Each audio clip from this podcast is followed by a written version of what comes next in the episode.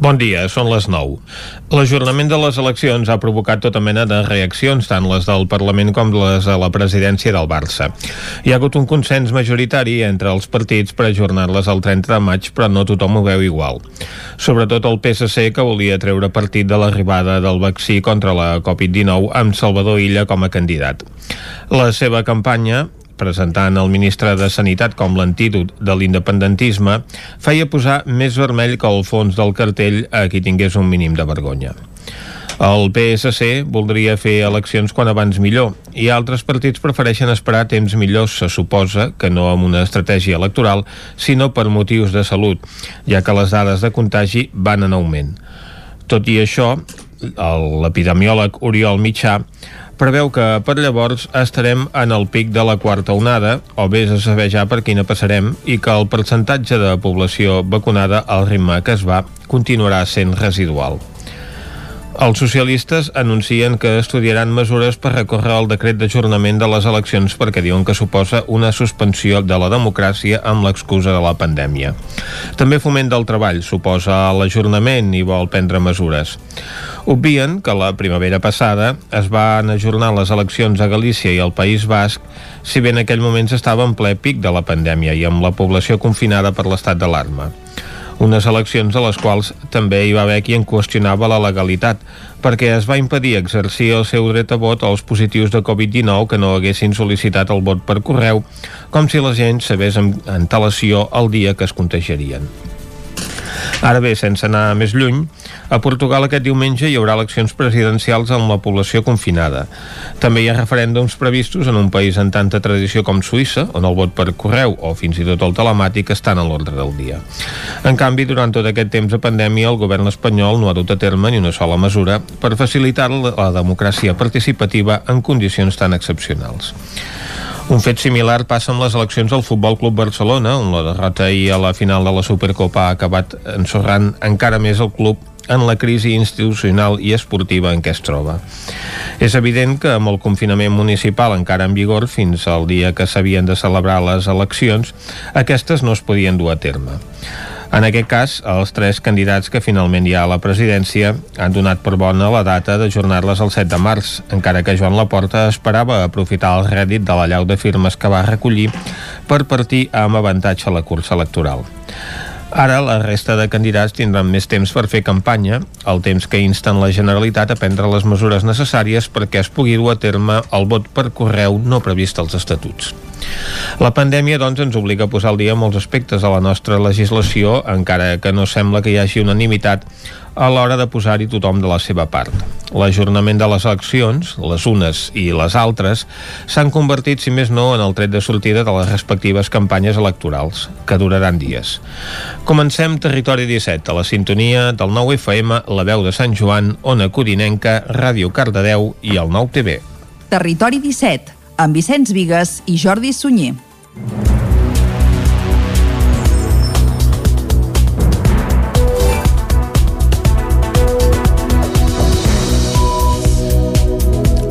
Són les 9 i gairebé 4 minuts del dilluns, dia 18 de gener de 2021. Comença aquí un nou Territori 17 que avui, com sempre, durant la primera hora us acostarà tota l'actualitat de les nostres comarques. Després, a partir de les 10, les seccions habituals dels dilluns. Avui, per exemple, tindrem els Solidaris amb Eloi Puigferrer, una secció que vam estrenar precisament la setmana passada, i també tindrem molta informació esportiva. Per què? Doncs perquè repassarem els resultats dels principals equips del nostre territori aquest cap de setmana i acabarem acabarem fent tertúlia esportiva de la jornada futbolística també del cap de setmana, marcada per la derrota del Barça ahir a la final de la Supercopa Espanyola de Futbol. Tot això i molt més des d'ara mateix i ho farem fins a les 12 del migdia i com sempre arrenquem tot posant-nos al dia fent un repàs a l'actualitat de les nostres comarques, les comarques del Ripollès, Osona, el Moianès i el Vallès Oriental.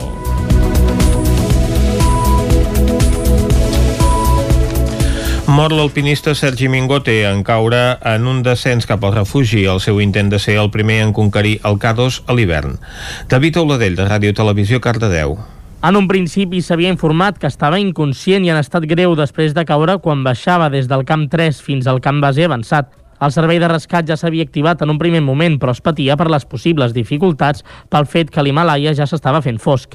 Mingote havia iniciat un repte que mai cap alpinista ha aconseguit fer, el cim del K2, la segona muntanya més alta del món amb 8.611 metres i la considerada més difícil d'escalar durant els mesos d'hivern. Tal com ell mateix narrava a les seves xarxes socials, l'expedició avançava segons el previst en aquest punt de la Xina i Pakistan, fins que va patir l'accident. El seu repte era aconseguir fer els 3 8000. L'expedició coneguda com a K2 Winter Expedition 2021 està formada per 10 alpinistes i 10 xerps que volien assolir per primer cop aquest repte. Mingote va ser alcalde de Parets del Vallès durant 7 anys del Partit dels Socialistes de Catalunya. Els pobles del Vallès han mostrat el seu condol a les xarxes socials, deixant de banda el color polític en un moment complicat com aquest. La situació al Ripollès millora i la velocitat de propagació del coronavirus baixa de 1.000 punts per primer cop en un mes i mig. Isaac Muntades, des de la veu de Sant Joan. La situació epidemiològica al Ripollès encara és força dolenta, però va millorant a poc a poc. La primera bona notícia és que després d'un mes i mig l'índex de risc de rebrot ha baixat dels 1.000 punts per primera vegada i se situa en 957, essent la novena comarca de Catalunya en aquesta classificació. La velocitat de propagació dels casos RT també ha disminuït i ja és de 0,94. De la darrera setmana que hi ha dades completes que es correspon a la del 7 al 13 de gener s'han detectat 110 casos de coronavirus, una xifra força més baixa que en altres setmanes. Pel que fa al procés de vacunació a la comarca va per bon camí i fins aquest dissabte ja s'ha administrat el vaccí a 783 persones. Per exemple, dijous passat es van vacunar 130 persones de la Fundació Guifré, mentre que el passat divendres va començar la vacunació contra la Covid-19 a la residència Centre Montserrat de la Fundació MAP, que compta amb 26 places per a persones amb discapacitat amb necessitat de suport extens o generalitzat. En total es va administrar el vaccí a 55 persones entre usuaris i professionals d'atenció directa. Durant aquesta setmana serà el torn de les llars residència amb 43 persones ateses i dels professionals professionals d'atenció directa que hi estan en contacte, que són un total de 90 persones. En relació a la situació de l'Hospital de Can Davant, tampoc hi ha bones notícies, perquè actualment hi ha 35 persones ingressades, de les quals n'hi ha 21 a la secció d'aguts amb la infecció activa i 14 a sociosanitari, és a dir, que s'estan recuperant dels efectes de la Covid-19, una xifra que va tocar sostre dijous passat amb 37 persones hospitalitzades. Precisament des d'aquest dia s'han registrat dues noves defuncions al centre hospitalari de 91 i 86 anys respectivament. Això sí, la xifra de professionals sanitaris contagiats continua baixant baixant i ja només és de 8 persones. Des de l'inici de la crisi, l'hospital ha diagnosticat 766 anàlisis positives dels 1.887 casos confirmats i ha donat d'alta a 207 pacients. Des que va començar la pandèmia, també s'han registrat 68 morts al Ripollès, 35 dels quals a l'Hospital Comarcal. Un brot de coronavirus afecta 60 usuaris i ha provocat 5 morts a la residència privada Prudenci de Tona. Segons ha explicat l'Ajuntament Tonenga en un comunicat, el brot s'està controlant i s'han començat a desaïllar els primers usuaris que han donat negatiu negatiu a les proves. Una vintena de professionals del centre estan confinats. El brot es va detectar el passat 2 de gener i ha anat progressivament a l'alça. La majoria dels afectats són asimptomàtics o presenten una simptomologia lleu. Set dels usuaris han hagut de ser traslladats a l'hospital i s'han registrat cinc defuncions. Els primers positius es van detectar, com dèiem, el passat 2 de gener en un dels cribratges periòdics que es fa a la residència. Progressivament els contagis van anar a l'alça i el dia 7 es va fer el test PCR a tots els usuaris amb el resultat de 14 positius. La xifra ha seguit creixent fins als 60 positius actuals. El mateix dia 7 de gener es va vacunar a 45 dels usuaris de la residència Prudenci, que en aquells moments estava qualificada de groc amb alguns contagis. Segons han manifestat fons del Departament de Salut a l'Agència Catalana de Notícies, cap de les persones a qui se'ls va administrar el vaccí mostrava en aquells moments símptomes de la malaltia. En cas que algun dels vacunats hagi patit a posteriori la Covid-19, afegeixen, podrà rebre la segona dosi un cop l'hagi superat sempre que no se sobrepassi el topall dels 42 dies. Aquesta setmana a Catalunya es comença a administrar la segona dosi de la vacuna de la Covid-19 a les persones que ja han rebut la primera. Ahir se'n feia l'arrencada simbòlica en una residència de la Pobla de Segur. A Osona eh, està previst que la segona punxada a residents, personal de residències i personal sanitari s'iniciï el 20 26 de gener. També serà a partir del 26 de gener quan es farà la primera vacunació als dos centres on no s'ha produït encara per brots lleus de coronavirus, la Fundació Gallifa de Sant Hipòlit i la Casa Sacerdotal de Vic. Des del Departament de Salut asseguren que s'han complert els terminis de la primera fase. Raquel Comelles és la coordinadora de la vacunació contra la Covid-19 a la comarca d'Osona Jo crec que hem seguit bastant el ritme de vacunació que ens han proposat mm. i a més a més també hem pogut assumir hospitals, professionals hospitals, també hem, hem avançat perquè et facis una idea, ens van dir que tindríem unes 20 infermeres uh, al dia. Uh, això significa 10 infermeres per torn, torn matí, torn per tarda. Però bé, nosaltres ens ajustem a les necessitats. Amb, clar, no tenim tantes infermeres, tant volum, doncs bé, um, potser reduïm aquestes infermeres a 8, 9, a vegades 6, Dijous de la setmana passada va començar la vacunació dels professionals de l'Hospital de la Santa Creu de Vic. Més de 130 persones van rebre la primera dosi entre personal de l'Hospital del Servei de Manteniment, Neteja i Cuina i de Rehabilitació. Divendres va ser el torn de la residència Aura i de l'Hospital Sant Jaume de Manlleu. Sentim a Ramon Coromines, el primer usuari de la residència a qui se li va administrar el vaccí i a dues de les treballadores que també van rebre la primera dosi, Sandra Puig Domènech, infermera, i Caterina Ordóñez, d'hospitalització i psicogeriatria. Després de 10, de 10 mesos tanc... aquí confinat és el que esperava amb candeletes a l'esperava. I per mi és un moment important perquè espero que sigui, com hem dit, el principi del final, perquè tots en tenim ganes d'acabar amb això i crec que és l'única manera, la vacunació. Doncs mira, una mica de seguretat, una mica més de seguretat, però sobretot per la gent que tenim a prop i la gent que, bueno, amb la que treballem. Van rebre la vacuna 114 usuaris i 64 professionals de la residència Aura, un 70% de la plantilla. Pel que fa al personal de l'hospital, es van vacunar 84 persones. El procés de vacunació al Moianès avança a bon ritme. És la segona comarca de Catalunya que percentualment ha vacunat a més habitants. Caral Campàs, des d'Ona Codinenca. Això suposa un 3,37% de la població, o el que és el mateix, 447 persones en total. Aquesta xifra només la supera el Pallars Jussà amb un 3,7% i la segueix per darrere el Berguedà amb un 2,8%.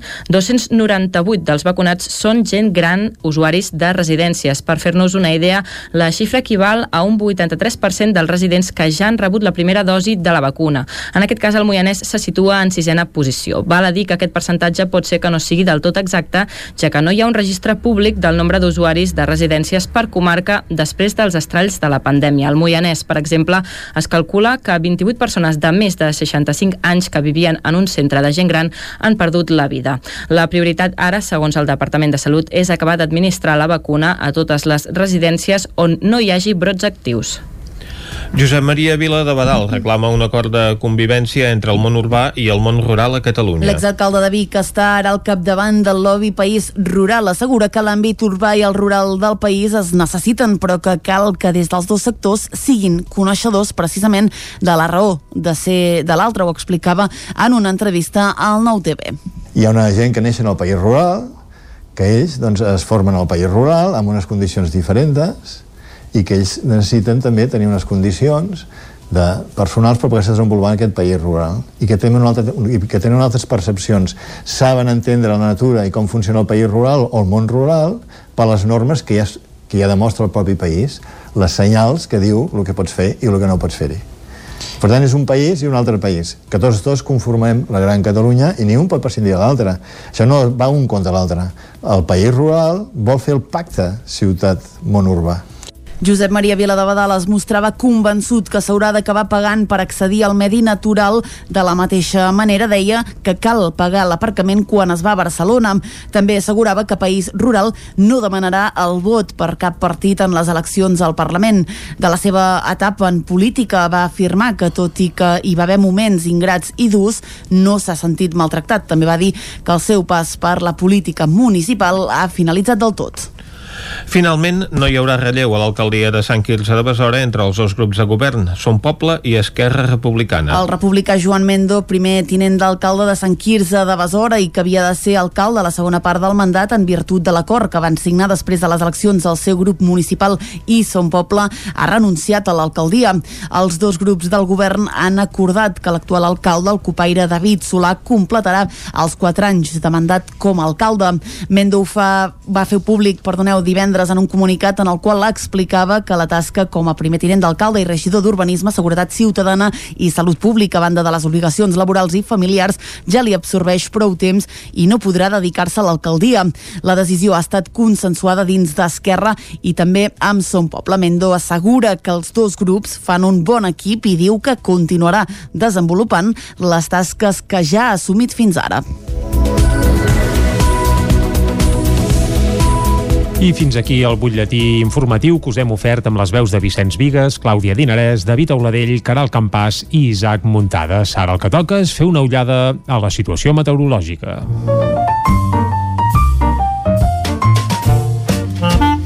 Casa Terradellos us ofereix el temps. I parlar del temps a Territori 17 és parlar amb el Pep Acosta, qui ja saludem ara mateix. Molt bon dia, Pep. Hola, hola, hola. molt bon dia. General, ahir mm, va fer un dia de sol, si estava molt bé el sol, sí. i uh, va comentar molta gent, bueno, atenció, molt, molt tampoc, eh? va comentar algunes persones uh -huh. que ahir era un dia on les hores centrals de les hores centrals s'estava millor a fora que dintre les cases. A dintre hi ha el fet acumulat de tots aquests dies i uh, aquesta petita bonança encara no s'ha pogut reflectir a dintre en els indrets d'on vivim cadascú uh, i això fa que les hores centrals dels dies doncs s'estigui millor a fora que dintre la, les cases. Lògicament el que se'n va al sol o de nit no, s'està molt millor Clar, sí, a dintre sí. La, la casa de cada un.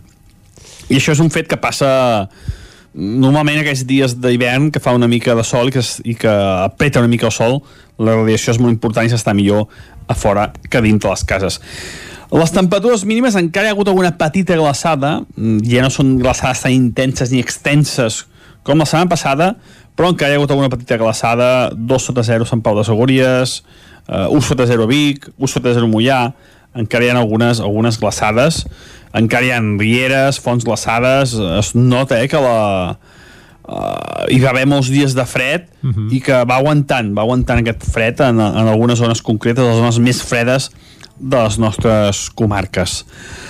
Anem per el dia d'avui, ja anem per la setmana nova, i jo crec que, he, he, no he resumit tot el cap de setmana, però crec que el, el més important és això, eh? ahir la pujada de temperatures, que en moltes zones mm, s'hi va estar força bé des de, quan, des de que feia molts dies que no, que no estàvem en aquesta situació de bonança meteorològica.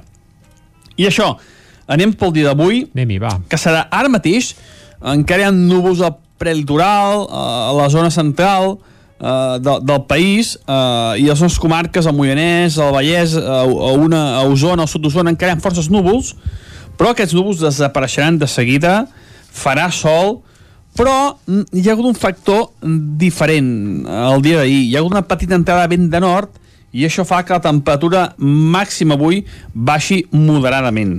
Això ja es nota amb les mínimes hem tingut mínimes de 6-7 graus sota zero a la zona de de Ter, la zona més freda de les nostres comarques, lògicament, a 2.600 metres d'altura. Aquesta...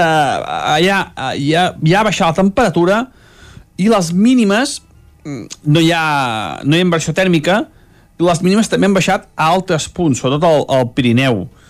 I això eh, denota l'entrada d'aquesta petita de vent de nord, que farà que les temperatures màximes avui no passin dels 10 graus a interior i no passin dels 13-14 cap al prelitoral. Res a veure amb els 18-17 que teníem ahir. De cara al migdia, per tant, no, no farà la suavitat no farà l'ambient preprimaveral, m'aventuro a dir, que vam tenir ahir. Serà un ambient més d'hivern, més del que toca, que som encara a ple hivern. De cara a la tarda, marxant aquests núvols baixos que hi ha ara, aquesta mala visibilitat que tenim ara, aniran marxant i quedarà un bon sol. No plourà en lloc, mm, tindrem algun núvol prim, poca cosa, no tenim massa ingredients meteorològics eh, interessants avui, eh? no, no serà un dia allò mm, que diguis, bueno, interessant, no, no, meteorològicament parlant, no serà molt, molt interessant. Eh, de cada pocs dies, sobretot dimecres i divendres, sembla que passaran un parell de fronts i poden obrir les portes a nevades al Pirineu. Però bueno, ja anirem veient perquè no està del tot clar, hi ha una situació meteorològica de pantà baromètric, és a dir, que no tenim ni un gran anticicló ni una gran perturbació a prop, veurem què va passar els pròxims dies i si aquests fronts poden ser una mica més actius i deixar més neu i més pluja de la que ara mateix sembla que deixaran. Moltes gràcies i ja anirem afinant el temps durant tota la setmana. Adéu, bon dia. Doncs vinga, esperarem aquesta afinació meteorològica, Pep. Moltes gràcies, salut, i ara nosaltres el que fem és anar cap al quiosc. Casa Tarradellas us ha ofert aquest espai. Territori 17. Envia'ns les teves notes de veu per WhatsApp al 646 079 023. 646 079 023. WhatsApp Territori 17.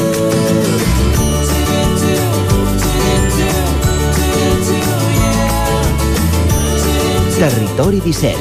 Som a Facebook, Twitter i Instagram amb l'usuari Territori 17.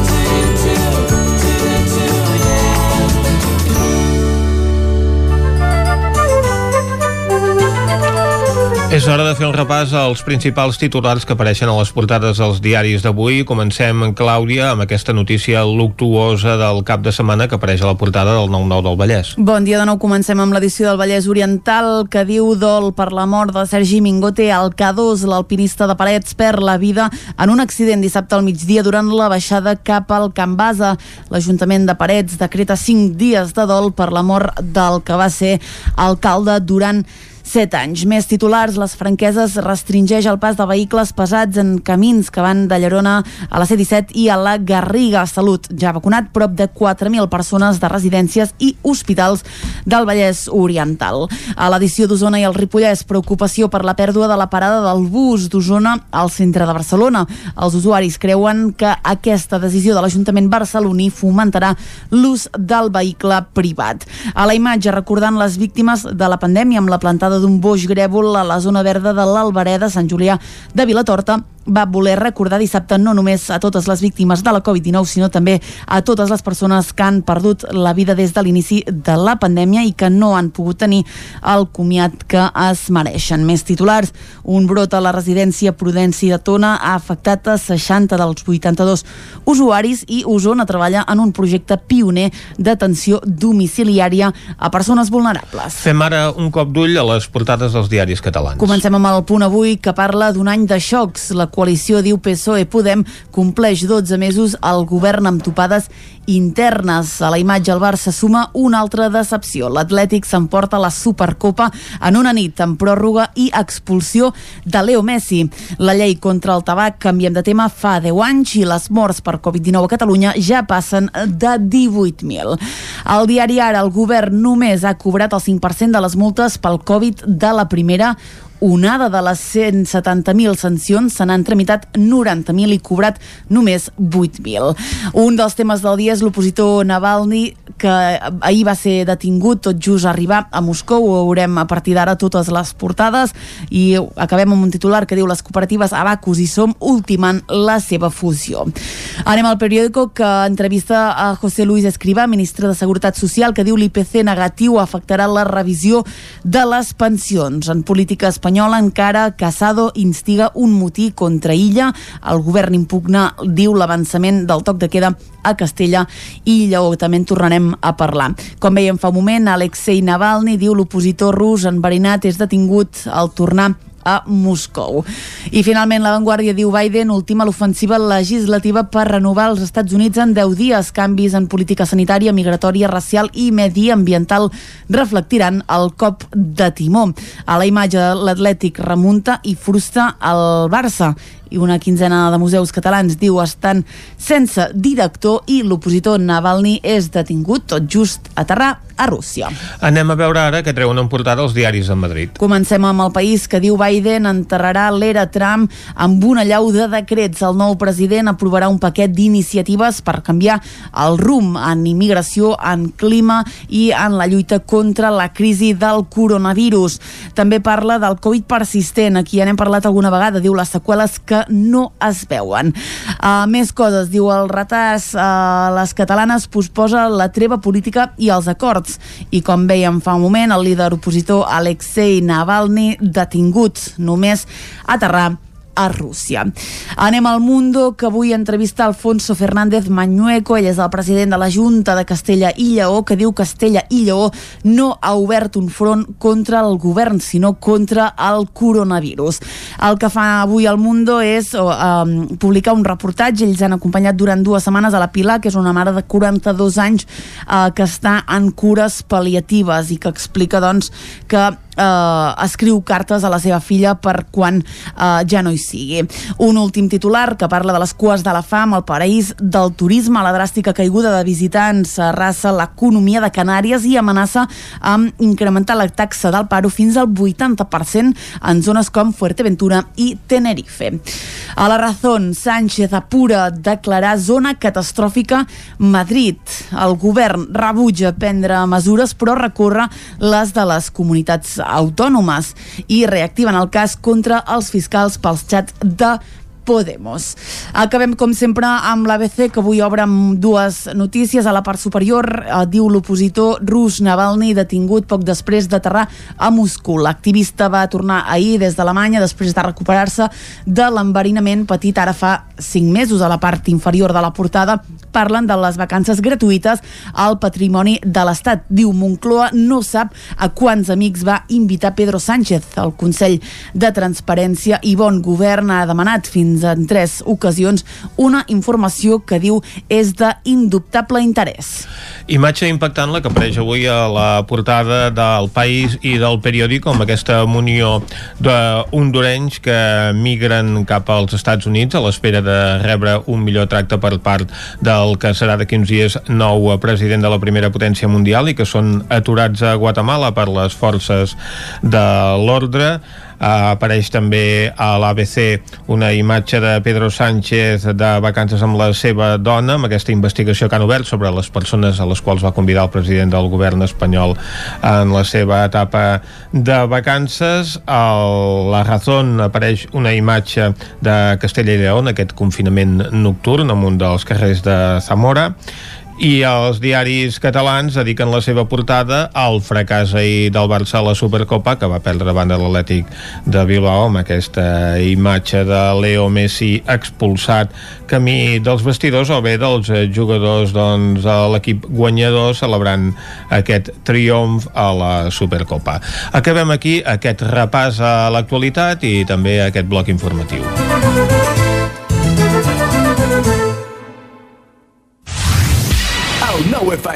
Les bones decisions tenen premi. I és que si té una caldera Vaillant, està d'enhorabona. Vaillant li ofereix fins a 15 anys de cobertura total, amb la revisió obligatòria inclosa. Informis a Oficiat Nord trucant al 93 886 0040. Amb el servei tècnic oficial de Vaillant, la seva caldera estarà en les millors mans. Cocodril Club. Si t'agrada la bona música dels anys 60, 70 i 80, escolta el 9 FM als matins de dissabtes i diumenges d'11 a 1. És el temps del Cocodril Club, tot un clàssic de la ràdio, amb les bases del pop-rock, les llegendes, les cançons que s'han convertit en autèntics himnes. Recorda, dissabtes i diumenges al matí, d'11 a 1, al 9 FM 92.8. Cocodril Club, el programa revival de l'Albert Malla. Hasta luego, cocodrilo.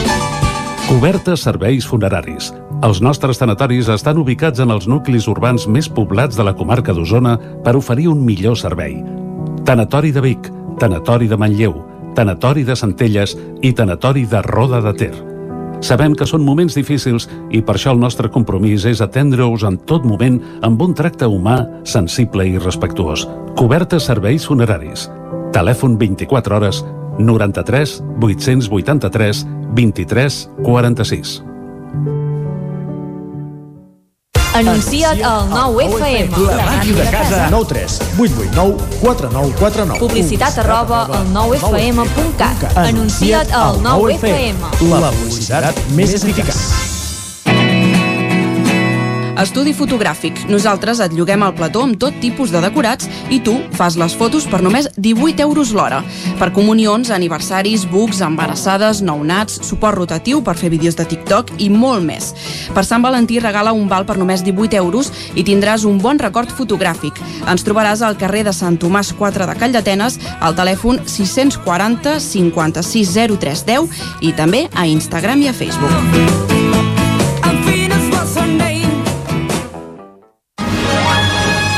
La Fogonera, resistència gastronòmica.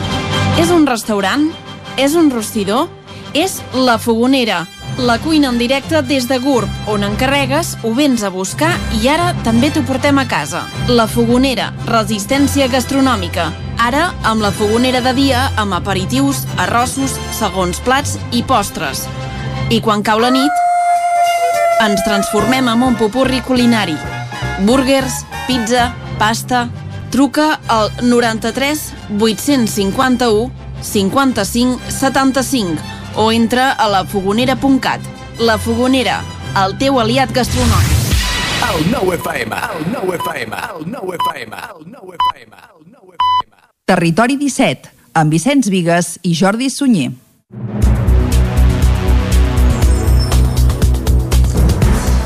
Són dos quarts de deu en punt d'avui dilluns, dia 18 de gener de 2021. Som aquí en directe a Territori 17 i us farem companyia fins a les 12 del migdia. Ara de seguida us acostarem de nou tota l'actualitat de les nostres comarques i després, a partir de les 10, un cop hàgim repassat de nou tots els titulars i tota la informació, passarem per seccions habituals dels dilluns. Avui molt esport. Per què? Doncs perquè repassarem els resultats dels principals equips del nostre territori durant aquest cap de setmana i acabarem fent tertúlia futbolística, evidentment, Vicenç, marcada per la Supercopa d'ahir, eh? Per la Supercopa, per les eleccions al Barça, l'actualitat esportiva doncs, de primer nivell no s'atura. No s'atura, correcte. I nosaltres aquí a Territori 17 tampoc ens aturem. Avui és dilluns i també tindrem Solidaris amb Eloi Puigferrer, una secció que vam estrenar la setmana passada i que ens acompanyarà fins a finals de temporada. Tot això i molt més des d'ara mateix i fins a les 12 del migdia. I com sempre, el que toca ara és acostar-vos de nou tota l'actualitat de les nostres comarques, les comarques del Ripollès, Osona, el Moianès i el Vallès Oriental. Mor l'alpinista Sergi Mingote en caure en un descens cap al refugi el seu intent de ser el primer en conquerir el K2 a l'hivern. David Oladell, de Ràdio Televisió, Cardedeu. En un principi s'havia informat que estava inconscient i en estat greu després de caure quan baixava des del camp 3 fins al camp base avançat.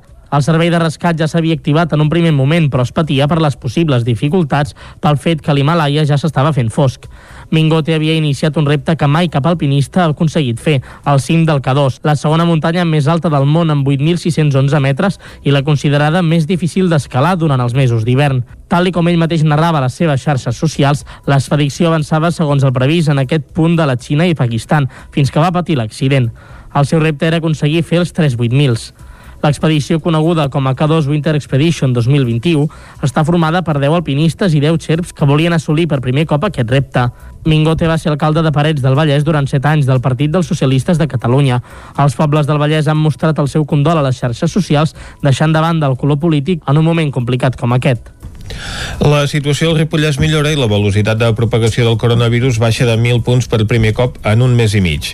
Isaac Muntades, des de la veu de Sant Joan. La situació epidemiològica al Ripollès encara és força dolenta, però va millorant a poc a poc. La primera bona notícia és que després d'un mes i mig l'índex de risc de rebrot ha baixat dels 1.000 punts per primera vegada i se situa en 957, essent la novena comarca de Catalunya en aquesta classificació. La velocitat de propagació dels casos URT també ha disminuït i ja és de 0,94. De la darrera setmana que hi ha dades completes que es correspon a la del 7 al 13 de gener s'han detectat 110 casos de coronavirus, una xifra força més baixa que en altres setmanes. Pel que fa al procés de vacunació a la comarca va per bon camí i fins aquest dissabte ja s'ha administrat el vaccí a 783 persones. Per exemple, dijous passat es van vacunar a 130 persones de la Fundació Guifré, mentre que el passat divendres va començar la vacunació contra la Covid-19 a la residència Centre Montserrat de la Fundació MAP, que compta amb 26 places per a persones amb discapacitat amb necessitat de suport extens o generalitzat. En total es va administrar el vaccí a 55 persones entre usuaris i professionals d'atenció directa. Durant aquesta setmana serà el torn de les llars residència amb 43 persones ateses i dels professionals professionals d'atenció directa que hi estan en contacte, que són un total de 90 persones. En relació a la situació de l'Hospital de Can de Bànol tampoc hi ha bones notícies perquè actualment hi ha 35 persones ingressades, de les quals n'hi ha 21 a la secció d'aguts amb la infecció activa i 14 a sociosanitari, és a dir, que s'estan recuperant dels efectes de la Covid-19, una xifra que va tocar sostre dijous passat amb 37 persones hospitalitzades. Precisament des d'aquest dia s'han registrat dues noves defuncions al centre hospitalari de 91 i 86 anys respectivament. Això sí, la xifra de professionals sanitaris contagiats continua baixant baixant i ja només és de 8 persones. Des de l'inici de la crisi, l'hospital ha diagnosticat 766 anàlisis positives dels 1.887 casos confirmats i ha donat d'alta a 207 pacients. Des que va començar la pandèmia també s'han registrat 68 morts al Ripollès, 35 dels quals a l'Hospital Comarcal.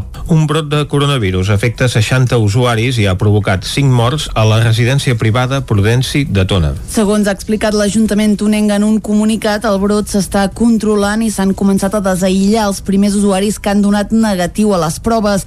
Una vintena de professionals del centre estan confinats. El brot es va detectar el passat 2 de gener i ha anat progressivament a l'alça. La majoria dels afectats són asimptomàtics o presenten una simptomologia lleu. Set dels usuaris han hagut de ser traslladats a l'hospital i s'han registrat cinc defuncions. Els primers positius es van detectar, com dèiem, el passat 2 de gener en un dels cribratges periòdics que es fa a la residència. Progressivament els contagis van anar a l'alça i el dia 7 es va fer el test PCR a tots els usuaris amb el resultat de 14 positius. La xifra ha seguit creixent fins als 60 positius actuals. El mateix dia 7 de gener es va vacunar a 45 dels usuaris de la residència Prudenci, que en aquells moments estava qualificada de groc amb alguns contagis. Segons han manifestat fons del Departament de Salut a l'Agència Catalana de Notícies, cap de les persones a qui se'ls va administrar el vaccí mostrava en aquells moments símptomes de la malaltia en cas que algun dels vacunats hagi patit a posteriori la Covid-19, afegeixen, podrà rebre la segona dosi un cop l'hagi superat sempre que no se sobrepassi el topall dels 42 dies. Aquesta setmana a Catalunya es comença a administrar la segona dosi de la vacuna de la Covid-19 a les persones que ja han rebut la primera. Ahir se'n feia l'arrencada simbòlica en una residència de la Pobla de Segur.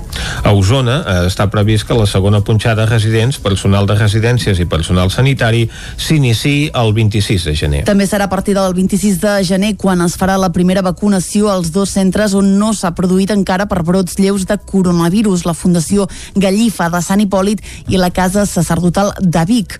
Des del Departament de Salut asseguren que s'han complert els terminis de la primera fase. Raquel Comelles és la coordinadora de la vacunació contra la Covid-19 a la comarca d'Osona. Jo crec que hem seguit bastant el ritme de vacunació que ens han proposat mm. i a més a més també hem pogut assumir hospitals, professionals d'hospitals, també hem, hem avançat. Perquè et facis una idea, ens van dir que tindríem unes 20 infermeres uh, al dia. Uh, això significa 10 infermeres per torn, torn matí, torn per tarda.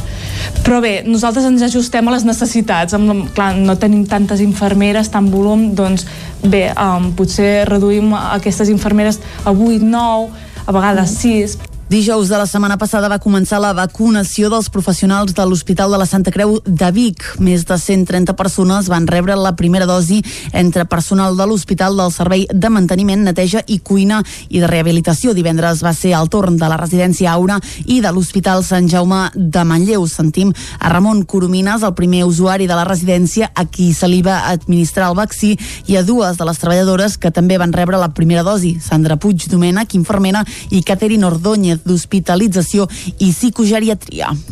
Després de 10, de 10 mesos tanc... aquí confinat és el que esperava amb candeletes l'esperava. I per mi és un moment important perquè espero que sigui, com hem dit, al principi del final, perquè tots en tenim ganes d'acabar amb això i crec que és l'única manera, la vacunació. Doncs mira, una mica de seguretat, una mica més de seguretat, però sobretot per la gent que tenim a prop i la gent que, bueno, amb la que treballem. Van rebre la vacuna 114 usuaris i 64 professionals de la residència Aura, un 70% de la plantilla. Pel que fa al personal de l'hospital, es van vacunar 84 persones. El procés de vacunació al Moianès avança a bon ritme. És la segona comarca de Catalunya que percentualment ha vacunat a més habitants. Caral Campàs, des d'Ona Codinenca. Això suposa un 3,37% de la població, o el que és el mateix, 447 persones en total. Aquesta xifra només la supera el Pallars Jussà amb un 3,7% i la segueix per darrere el Berguedà amb un 2,8%. 298 dels vacunats són gent gran, usuaris de residències. Per fer-nos una idea, la xifra equival a un 83% dels residents que ja han rebut la primera dosi de la vacuna. En aquest cas, el Moianès se situa en sisena posició. Val a dir que aquest percentatge pot ser que no sigui del tot exacte, ja que no hi ha un registre públic del nombre d'usuaris de residències per comarca després dels estralls de la pandèmia. Al Moianès, per exemple, es calcula calcula que 28 persones de més de 65 anys que vivien en un centre de gent gran han perdut la vida. La prioritat ara, segons el Departament de Salut, és acabar d'administrar la vacuna a totes les residències on no hi hagi brots actius. Josep Maria Vila de Badal reclama un acord de convivència entre el món urbà i el món rural a Catalunya. L'exalcalde de Vic està ara al capdavant del lobby País Rural. Assegura que l'àmbit urbà i el rural del país es necessiten, però que cal que des dels dos sectors siguin coneixedors precisament de la raó de ser de l'altre. Ho explicava en una entrevista al Nou TV. Hi ha una gent que neix en el país rural, que ells doncs, es formen al país rural amb unes condicions diferents i que ells necessiten també tenir unes condicions de personals per poder desenvolupar en aquest país rural i que tenen, una altra, que tenen altres percepcions saben entendre la natura i com funciona el país rural o el món rural per les normes que ja, que ja demostra el propi país les senyals que diu el que pots fer i el que no pots fer-hi per tant, és un país i un altre país, que tots dos conformem la Gran Catalunya i ningú pot prescindir de l'altre. Això no va un contra l'altre. El país rural vol fer el pacte ciutat-món urbà. Josep Maria Vila de Badal es mostrava convençut que s'haurà d'acabar pagant per accedir al medi natural. De la mateixa manera deia que cal pagar l'aparcament quan es va a Barcelona. També assegurava que País Rural no demanarà el vot per cap partit en les eleccions al Parlament. De la seva etapa en política va afirmar que tot i que hi va haver moments ingrats i durs, no s'ha sentit maltractat. També va dir que el seu pas per la política municipal ha finalitzat del tot. Finalment, no hi haurà relleu a l'alcaldia de Sant Quirze de Besora entre els dos grups de govern, Som Poble i Esquerra Republicana. El republicà Joan Mendo, primer tinent d'alcalde de Sant Quirze de Besora i que havia de ser alcalde a la segona part del mandat en virtut de l'acord que van signar després de les eleccions del seu grup municipal i Som Poble, ha renunciat a l'alcaldia. Els dos grups del govern han acordat que l'actual alcalde, el copaire David Solà, completarà els quatre anys de mandat com a alcalde. Mendo fa, va fer públic, perdoneu, divendres en un comunicat en el qual explicava que la tasca com a primer tinent d'alcalde i regidor d'Urbanisme, Seguretat Ciutadana i Salut Pública, a banda de les obligacions laborals i familiars, ja li absorbeix prou temps i no podrà dedicar-se a l'alcaldia. La decisió ha estat consensuada dins d'Esquerra i també amb Son Poble. Mendo assegura que els dos grups fan un bon equip i diu que continuarà desenvolupant les tasques que ja ha assumit fins ara. I fins aquí el butlletí informatiu que us hem ofert amb les veus de Vicenç Vigues, Clàudia Dinarès, David Auladell, Caral Campàs i Isaac Muntades. Ara el que toca és fer una ullada a la situació meteorològica.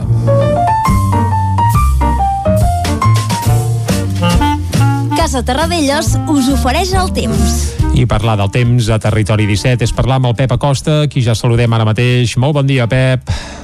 Hola, hola, hola. molt bon dia. General, ahir mm, va fer un dia de sol, si estava molt bé el sol, sí. i uh, va comentar molta gent, bueno, atenció, molt, molt tampoc, eh? va comentar algunes persones uh -huh. que ahir era un dia on les hores centrals de les hores centrals s'estava millor a fora que dintre les cases. A dintre hi ha el fet acumulat de tots aquests dies i uh, aquesta petita bonança encara no s'ha pogut reflectir a dintre en els indrets d'on vivim cadascú uh, i això fa que a les hores centrals dels dies però ens estigui millor a fora que dintre la, les cases lògicament a la que se'n va el sol o de nit no, s'està molt millor Clar, sí, a dintre sí. la, la casa de cada un i això és un fet que passa normalment aquests dies d'hivern que fa una mica de sol i que, i que apreta una mica el sol la radiació és molt important i s'està millor a fora que dintre les cases. Les temperatures mínimes encara hi ha hagut alguna petita glaçada, mm, ja no són glaçades tan intenses ni extenses com la setmana passada, però encara hi ha hagut alguna petita glaçada, 2 sota 0 Sant Pau de Segúries, uh, 1 sota 0 Vic, 1 sota 0 Mollà, encara hi ha algunes, algunes glaçades, encara hi ha rieres, fonts glaçades, es nota eh, que la, uh, hi va haver molts dies de fred uh -huh. i que va aguantant, va aguantant aquest fred en, en algunes zones concretes, les zones més fredes de les nostres comarques.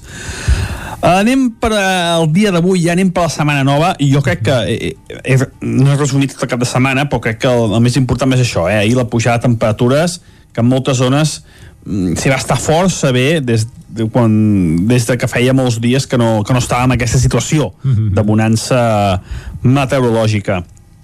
I això, anem pel dia d'avui, que serà ara mateix, encara hi ha núvols a prelitoral, a la zona central eh, de, del país eh, i les nostres comarques, el Moianès, el Vallès, a, a, una, a Osona, al sud d'Osona, encara hi ha forces núvols, però aquests núvols desapareixeran de seguida, farà sol, però mm, hi ha hagut un factor diferent el dia d'ahir. Hi ha hagut una petita entrada de vent de nord i això fa que la temperatura màxima avui baixi moderadament. Això ja es nota amb les mínimes. Hem tingut mínimes de 6-7 graus sota zero a la zona l'Ull de Ter, la zona més freda de les nostres comarques, lògicament, a 2.600 metres d'altura. Aquesta, allà, ja, ja ha baixat la temperatura i les mínimes, mm, no hi ha, no hi ha inversió tèrmica, les mínimes també han baixat a altres punts, sobretot al, al Pirineu.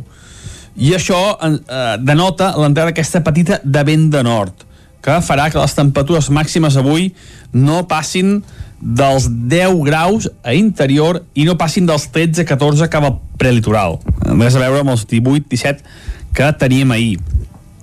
De cara al migdia, per tant, no, no farà la suavitat no farà l'ambient preprimaveral, m'aventuro a dir, que vam tenir ahir. Serà un ambient més d'hivern, més del que toca, que som encara a ple hivern. De cara a la tarda, marxant aquests núvols baixos que hi ha ara, aquesta mala visibilitat que tenim ara, aniran marxant i quedarà un bon sol. No plourà en lloc, tindrem algun núvol prim, poca cosa, no tenim massa ingredients meteorològics eh, interessants avui, eh? no, no serà un dia allò mm, que diguis, bueno, interessant, no, no, meteorològicament parlant, no serà molt, molt interessant. Eh, de cada pocs dies, sobretot dimecres i divendres, sembla que passaran un parell de fronts i poden obrir les portes a nevades al Pirineu. Però bueno, ja anirem veient perquè no està del tot clar, hi ha una situació meteorològica de pantà és a dir, que no tenim ni un gran anticicló ni una gran perturbació a prop, veurem què va passar els pròxims dies i si aquests fronts poden ser una mica més actius i deixar més neu i més pluja de la que ara mateix sembla que deixaran. Moltes gràcies i ja anirem afinant el temps durant tota la setmana. Adéu, bon dia. Doncs vinga, esperarem aquesta afinació meteorològica, Pep. Moltes gràcies, salut, i ara nosaltres el que fem és anar cap al quiosc. Casa Tarradellas us ha ofert aquest espai. Territori 17. Envia'ns les teves notes de veu per WhatsApp al 646 079 023. 646 079 023. WhatsApp Territori 17.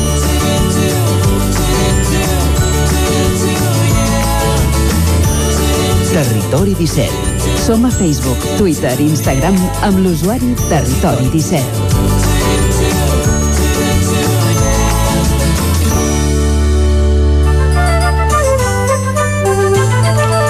És hora de fer un repàs als principals titulars que apareixen a les portades dels diaris d'avui. Comencem, en Clàudia, amb aquesta notícia luctuosa del cap de setmana que apareix a la portada del 9-9 del Vallès. Bon dia de nou, comencem amb l'edició del Vallès Oriental que diu dol per la mort de Sergi Mingote al K2, l'alpinista de Parets perd la vida en un accident dissabte al migdia durant la baixada cap al Can Basa.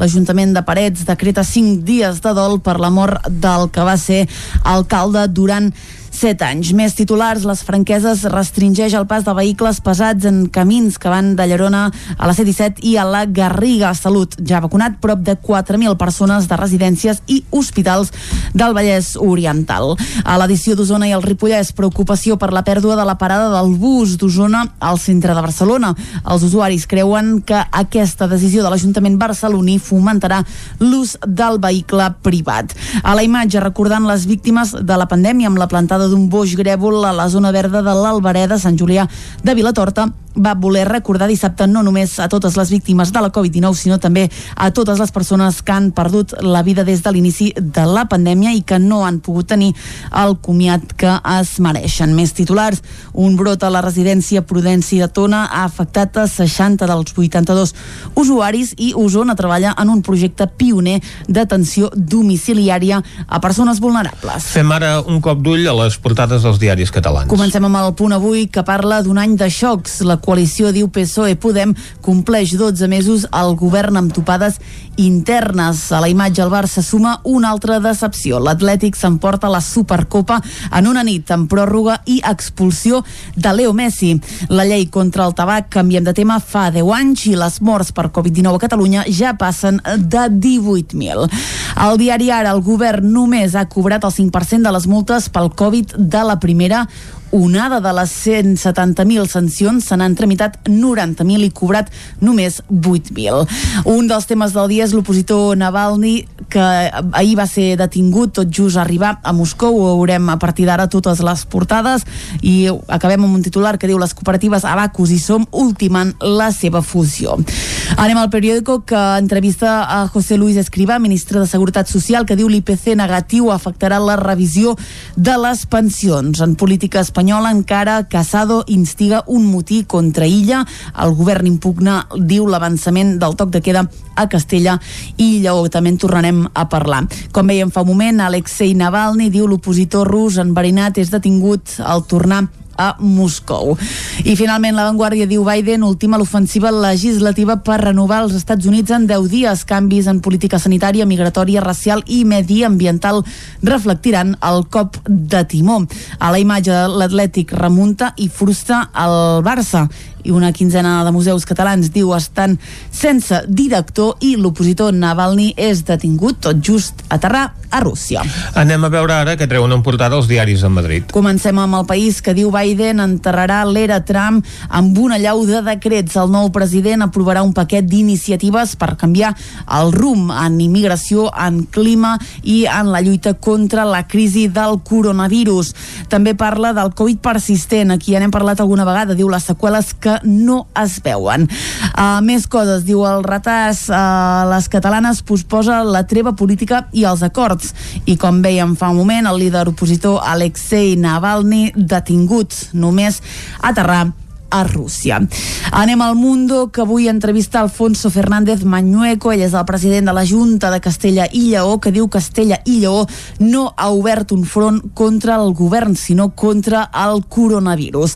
El que fa avui al Mundo és um, publicar un reportatge, ells han acompanyat durant dues setmanes a la Pilar, que és una mare de 42 anys uh, que està en cures pal·liatives i que explica doncs que eh, escriu cartes a la seva filla per quan eh, ja no hi sigui. Un últim titular que parla de les cues de la fam, el paraís del turisme, la dràstica caiguda de visitants arrasa l'economia de Canàries i amenaça amb incrementar la taxa del paro fins al 80% en zones com Fuerteventura i Tenerife. A la Razón, Sánchez apura declarar zona catastròfica Madrid. El govern rebutja prendre mesures però recorre les de les comunitats autònomes i reactiven el cas contra els fiscals pels xats de Podemos. Acabem, com sempre, amb l'ABC, que avui obre amb dues notícies. A la part superior, eh, diu l'opositor rus Navalny, detingut poc després d'aterrar a Moscou. L'activista va tornar ahir des d'Alemanya després de recuperar-se de l'enverinament patit ara fa 5 mesos. A la part inferior de la portada parlen de les vacances gratuïtes al patrimoni de l'Estat. Diu Moncloa no sap a quants amics va invitar Pedro Sánchez. El Consell de Transparència i Bon Govern ha demanat fins en tres ocasions una informació que diu és d'indubtable interès. Imatge impactant la que apareix avui a la portada del País i del periòdic amb aquesta munió d'hondurenys que migren cap als Estats Units a l'espera de rebre un millor tracte per part del que serà d'aquí uns dies nou president de la primera potència mundial i que són aturats a Guatemala per les forces de l'ordre apareix també a l'ABC una imatge de Pedro Sánchez de vacances amb la seva dona amb aquesta investigació que han obert sobre les persones a les quals va convidar el president del govern espanyol en la seva etapa de vacances. A la Razón apareix una imatge de Castella i Lleón aquest confinament nocturn en un dels carrers de Zamora I els diaris catalans dediquen la seva portada al fracàs ahir del Barça a la Supercopa, que va perdre davant de l'Atlètic de Bilbao, amb aquesta imatge de Leo Messi expulsat camí dels vestidors, o bé dels jugadors doncs, de l'equip guanyador celebrant aquest triomf a la Supercopa. Acabem aquí aquest repàs a l'actualitat i també aquest bloc informatiu. Doncs vinga, tanquem el bloc informatiu, Vicenç, i anem al bloc musical. Avui un bloc musical que, bé, que tindrà el mateix to amb el qual hem encetat l'informatiu. Uh, érem la mort al K2 de l'alpinista Sergi Mingote i avui el bloc musical el volem dedicar al Joan Eloi Vila, aquest mític guitarrista barceloní que va actuar al costat de patums d'arreu de, del món, també de músics del territori 17, que també va morir ahir, en el seu cas, als 61 anys. I, I no d'accident. I no precisament d'accident, sinó d'una llarga malaltia que ja venia arrossegant de feia també uns quants, uns quants anys. El Joan Eloi Vila, per qui no estigui situat, dius, ostres, i qui és el Joan Eloi Vila?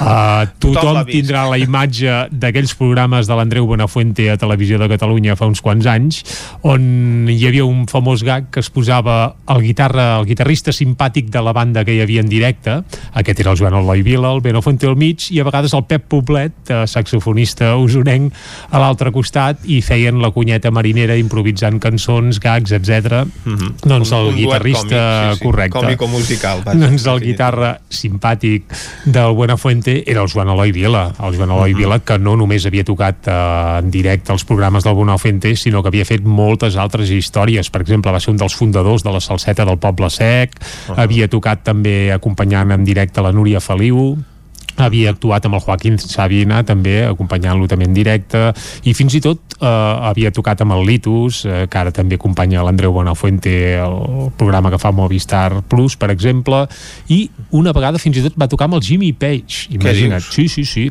el Joan Eloi Vila havia acompanyat en És que directe tocava de tot, això Eh, s'ha de dir. Sí, era un tio super polivalent, no tenia cap mania amb res i s'atrevia a tot, i a més ho feia tot bé, és a dir, tenia aquesta, aquesta virtut eh, com a guitarrista, i cal dir que l'any 2000, 2001 també va editar un disc en solitari, és l'únic que ha editat, eh, allò treballs d'ell eh, firmats per ell així en solitari, doncs en va arribar a fer un, es deia 40 anys i un dia, per tant ja podeu intuir que quan va fer aquest disc feia 40 anys i per celebrar-ho ell mateix es va autoregalar un disc com a Joan Eloi Vila eh? és l'únic disc que ha tret mai en directe Molt ben Vaja, no en directe, sinó vull editat amb el seu nom, i aquest disc estava format bàsicament de peces instrumentals d'ell eh, amb la guitarra, però hi havia un parell de peces on cantava, però clar, ell això de cantar sí que no era pas eh, lo seu, i a ras i curt, i què va fer? Doncs va invitar alguns artistes eh, que la convide, vaja, que el convidés, eh, que l'acompanyessin, ras i no? curt. Uh, una d'elles era la Mone, amb qui també havia col·laborat sovint, i amb la Mone van gravar una cançó que es diu Sé que t'estimaré. I si et sembla, doncs la recuperarem, aquesta cançó, i, l'escoltarem fins a arribar al punt de les 10, amb una abraçada ben gegant a tots els amics, companys, músics i familiars del Joan Eloi Vila, aquest guitarrista barceloní que ens va deixar ahir Uh, evidentment massa d'hora als 61 anys. Uh, sé que t'estimaré del Joan Eloi Vila amb la veu de la Mone. Amb això arribarem fins a les 10 sí? Doncs vinga, una abraçada a tots i a les 10 tornem aquí a Territori 17 amb més informació. i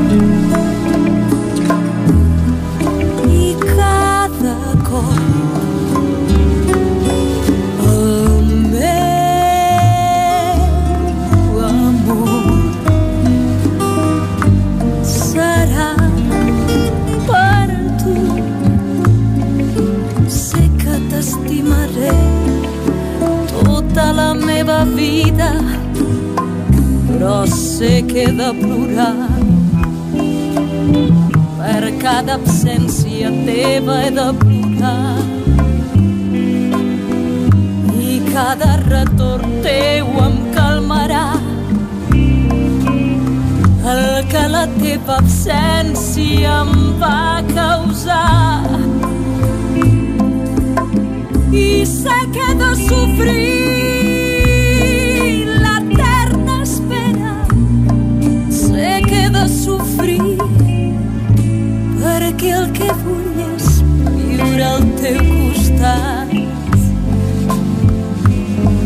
tota la meva vida.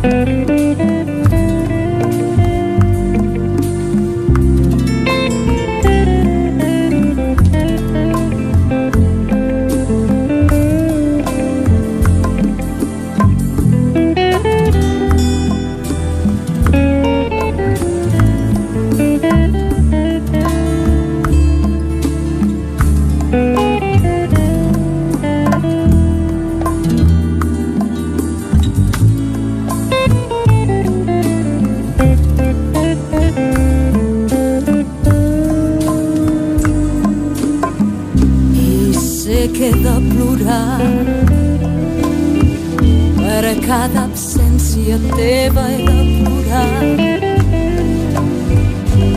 però cada retorn teu em calmarà. El que la teva absència em va causar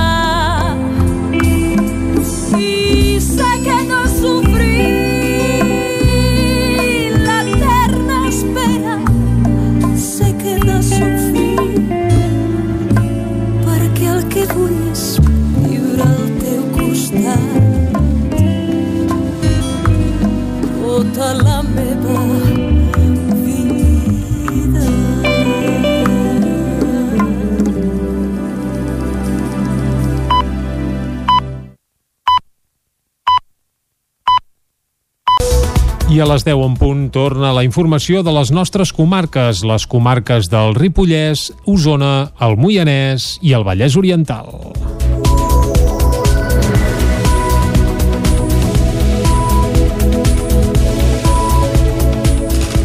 La Generalitat ha tombat el macroprojecte que volia instal·lar més de 224.000 plaques solars en 432 hectàrees entre Manlleu, Torelló i l'Esquirol. El Departament de Territori considera que no és viable per l'impacte urbanístic que podria tenir sobre el territori. El macroparc de plaques solars hagués ocupat una superfície tan gran com la zona urbana de Manlleu. Els ajuntaments de Torelló, Manlleu i l'Esquirol ja s'hi havien oposat i ara la Generalitat hi ha dit la seva. La ponència d'energies renovables, que és l'òrgan que precisament analitza projectes d'aquest tipus, considera que l'emplaçament no és viable. L'impacte urbanístic i paisatgístic i el fet que el Departament d'Agricultura hi posés condicions ha fet decantar la balança cap al no. Des dels ajuntaments afectats celebren la decisió. Enric Vilaragut és el regidor de Serveis Territorials de l'Ajuntament de Manlleu. no estem en contra, però aquestes bestieses no. Ara es tracta de fer un treball que sigui eh, el més eh, assenyat possible, és a dir, que es permeti, perquè ens fan falta, per transició energètica ens fan falta, parcs solars, però que es facin amb una dimensió determinada i en llocs que, que no ens causin impacte.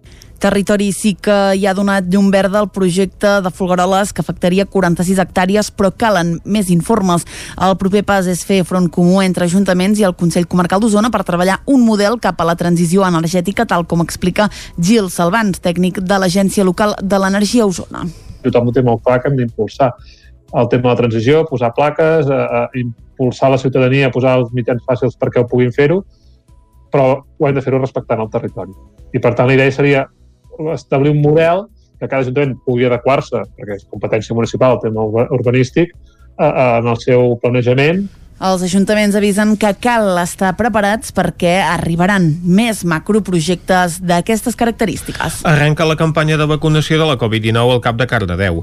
Primer va ser el personal i usuaris de residències geriàtriques i ara toca als professionals del centre d'atenció primària. David Auladell, de Ràdio Televisió, Cardedeu.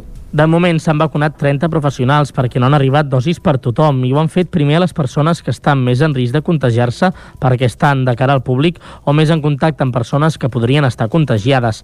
Anna Guimet, infermera pediatra del Cap de Can Borràs. un procés una mica més que complicat, és diferent a vegades del reste de les vacunes, llavors és- molt metòdic. Has, de ser molt metòdic perquè eh, de cada vial que ens ve preparem cinc dosis, val? primer hem de diluir una miqueta, la vacuna eh, no aguanta massa temps eh, sense temperatura, val? un cop descongelada, bueno, passa tot un procés que és bueno, a tenir en compte la delicadesa de la preparació. Però bueno, hem fet un curs de formació molt estricte, què em van formar molt bé, la veritat és que va ser molt productiu, i les dues persones que hem vacunat eh, hem, són persones que ja estem vacunant des de fa dies a altres llocs. No? I bueno, és, és un procés diferent de la resta de les vacunes, però perquè la capacitat que té aquesta vacuna és així, no? Aquesta vacuna es fa en dues dosis i en 21 dies s'ha d'aplicar la segona. En general, tant residències com en personal, tothom és molt receptiu a l'hora de vacunar-se i pels professionals que porten mesos treballant sense parar i en risc, suposa un alleujament. Anna Guimet. Per mi, personalment, és esperança. És un xute d'esperança grandíssim, val? que en necessitàvem, perquè realment ara a més de que hi ha una pujada de casos, no? és com que ha vingut en un moment en què ens dona una mica una eina per poder tirar una miqueta més endavant, no? força, no? i anar pensant, bueno, començarem a fer immunitat de grup i ens protegirem uns als altres i això farà que, que puguem estar en menys risc, no? que és el que ens fa patir perquè hem patit molt, sí, és veritat, i portem molt temps. Tot i això, encara queden mesos per poder aconseguir la immunitat de grup, deixar enrere les mascaretes i tornar al que coneixem com a normalitat. Vigues i Riells confina 12 grups dels centres educatius del poble. A l'Institut Maria de Belllloc hi ha 9 classes confinades. A l'Escola El Turó, dues, i a l'Escola El Colomer, una. Caral Campàs, des d'Ona Codinenca.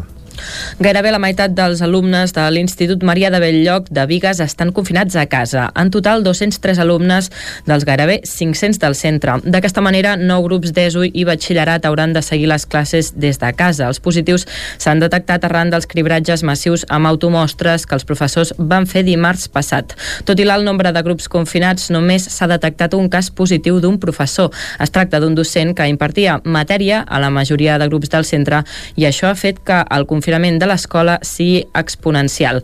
Leandro Sagristà és director de l'institut. Però com era només una persona la que havia afectat a tants grups, que bueno, tenia el nivell d'afectació del confinament, però no un tema de principi de possibilitat de contagi massiu. El criteri per confinar segons contacte i exposició en, cas, en un cas positiu ha canviat. Els grups s'han de confinar si han estat com a mínim una hora en contacte amb un professor. Des del centre expliquen que les instruccions del sistema d'automostra no eren del tot clares. Va funcionar bastant malament per diverses raons. Per vaig haver de traslladar instruccions tres vegades al professorat, en principi s'havien de fer un dia, es van fer un altre, em van donar un horari de recollida, després me'l van intentar escurçar i després el tema de l'automostra van arribar dos tutorials, eh, amb un les instruccions no eren exactament iguals que les del primer tutorial, el blister que contenia el recipient per recollir la mostra eren diferents encara, i a l'escola El Turó i el Colomer també han hagut de confinar grups, però en aquests casos per alumnes que han donat positiu. El centre El Turó és la primera vegada que es troba en aquesta situació. Dos alumnes que han donat positiu han hagut, i han hagut de confinar dues classes. Per altra banda, tots els mestres i monitors del Turó han donat negatius. El consistori i les direccions dels centres estan treballant perquè es facin proves PCR a tot l'alumnat de les escoles de la vila el més aviat possible. Arran d'aquesta situació, l'Ajuntament ha decidit posposar els actes previstos aquesta setmana en honor a Sant Vicenç i Sant Sebastià. A Osona han començat els cribratges per detectar possibles casos de Covid-19 entre el personal dels centres educatius, després de les vacances de Nadal. Són testos a partir de mostres que es prenen ells mateixos. Un dels centres on divendres s'hi feia el cribratge és l'Escola Mare de Déu del Sol del Pont de Roda de Ter.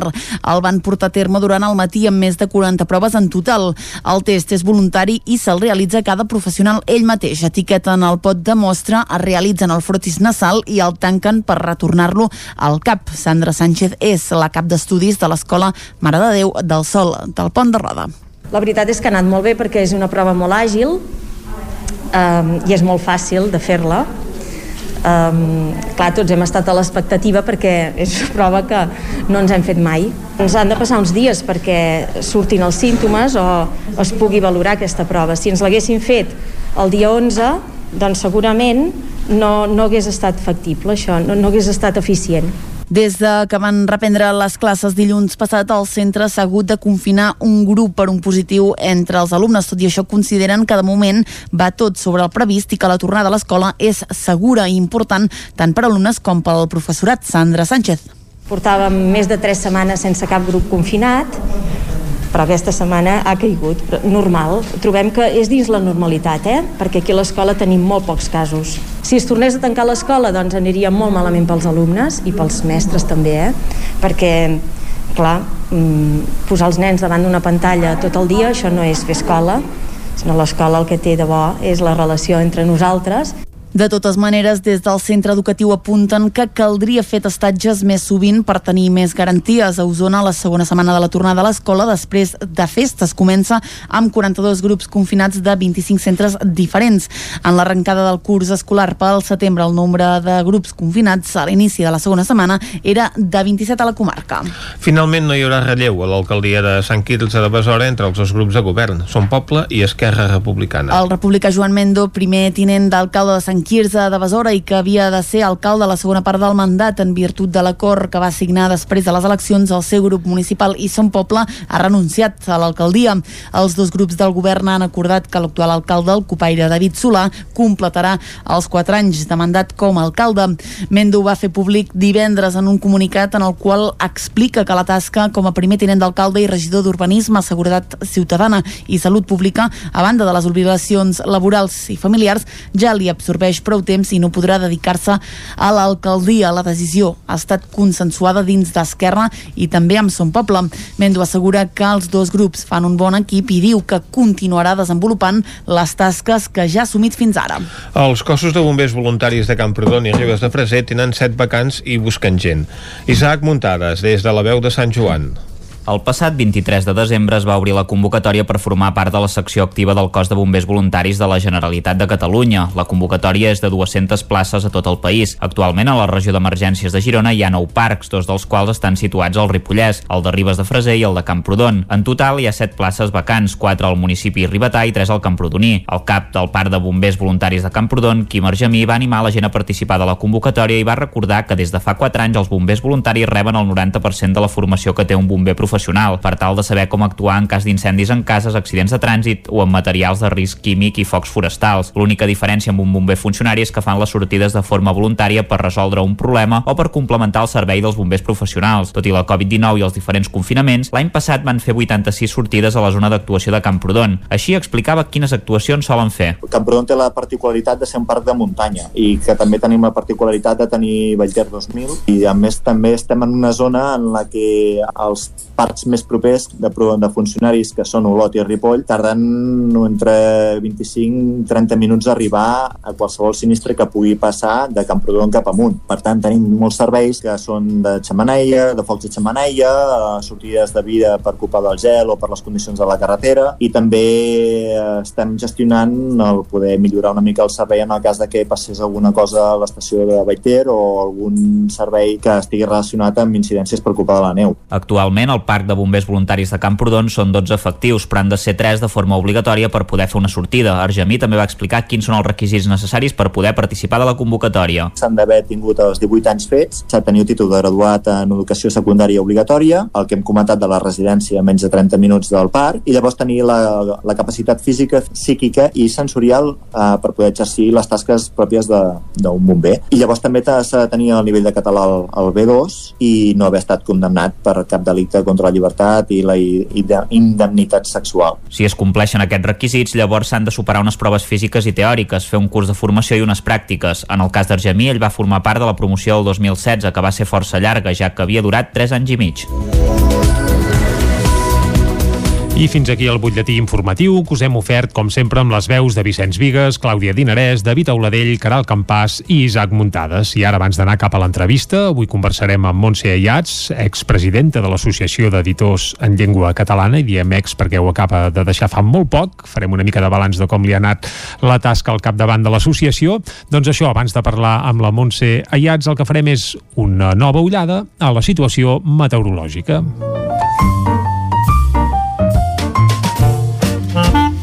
Casa Terradellos us ofereix el temps. I com sempre, per parlar del temps, el que fem és saludar el Pep Acosta. Pep, bon dia. Hola, molt bon dia. I molt bona hora. Anem pel dia d'avui. Va, anem-hi, va. Que serà ara mateix. Uh -huh. Encara hi ha núvols al prelitoral, a la zona central, Uh -huh. uh, de, del país uh, i les nostres comarques, el Moianès, el Vallès, a, a, una, a Osona, al sud d'Osona, encara hi ha forces núvols, però aquests núvols desapareixeran de seguida, uh -huh. farà sol, però hi ha hagut un factor diferent Quin? el dia d'ahir. Hi ha hagut una petita entrada de vent de nord uh -huh. i això fa que la temperatura màxima avui baixi moderadament. Això ja es nota amb les mínimes.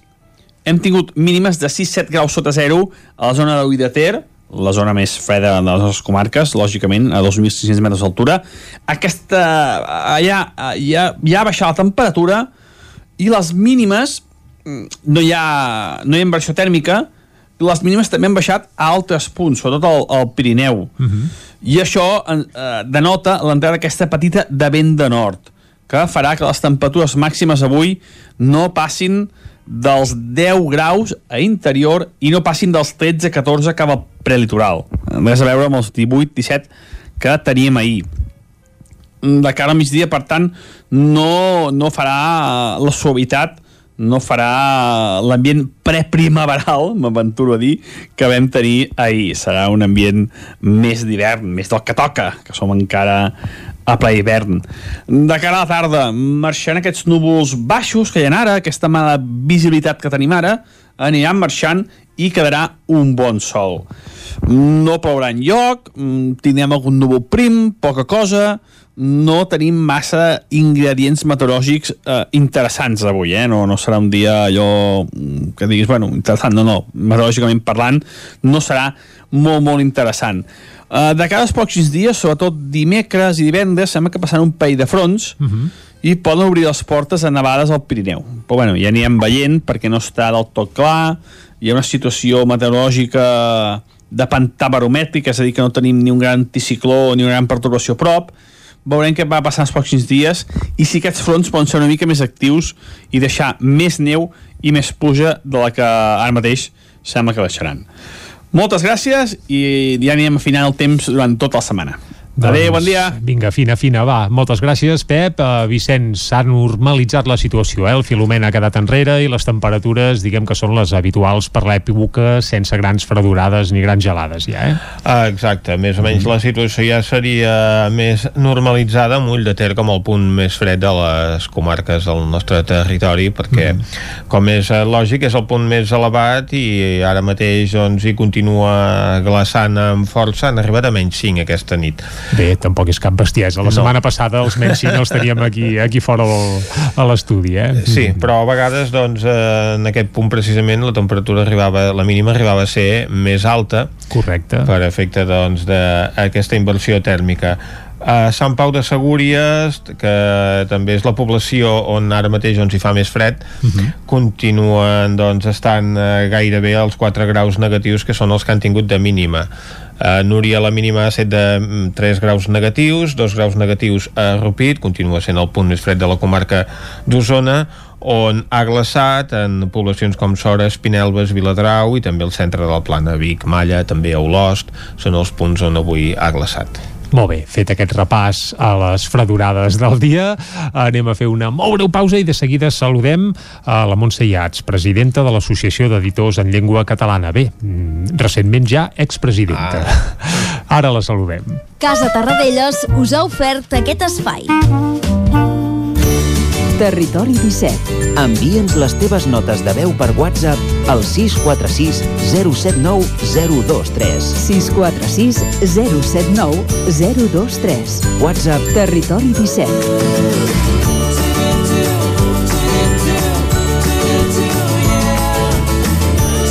Territori 17. Som a Facebook, Twitter i Instagram amb l'usuari Territori 17.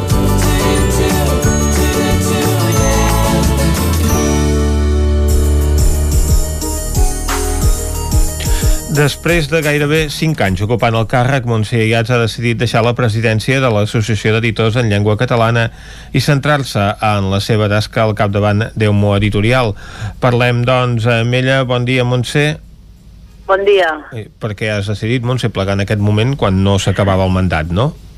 Bé, ens quedava un any de mandat, però aquest any passat, amb la, amb la pandèmia i tot plegat, diguem, ho feia molt difícil i, i bé, jo crec que és important en una entitat o en una organització com aquesta, no?, que recull o que inclou totes les, empre les, les empreses que editem en català, doncs es necessita energia i es necessita una, una empenta que en aquests moments a mi em semblava que l'havia de dedicar a EUMO Editorial, doncs diguem que és l'empresa que amb la, a la qual treballo i que em paga el sou. Això, és a dir, fins ara ho he compaginat les dues coses, sacrificant caps de setmana o vacances, però bé, hi ha un moment doncs, quan veus que, que això que estàs cansat, doncs el que has de fer és eh, retirar-te i en Joan Sala, que era el vicepresident, assumeix la presidència, em quedo eh, com a vocal i acabem el mandat doncs, amb, la, amb el programa que ens van fer com a Junta. Per tant, és un relleu, diguem, eh, molt natural i que simplement hi haurà una figura diferent al capdavant.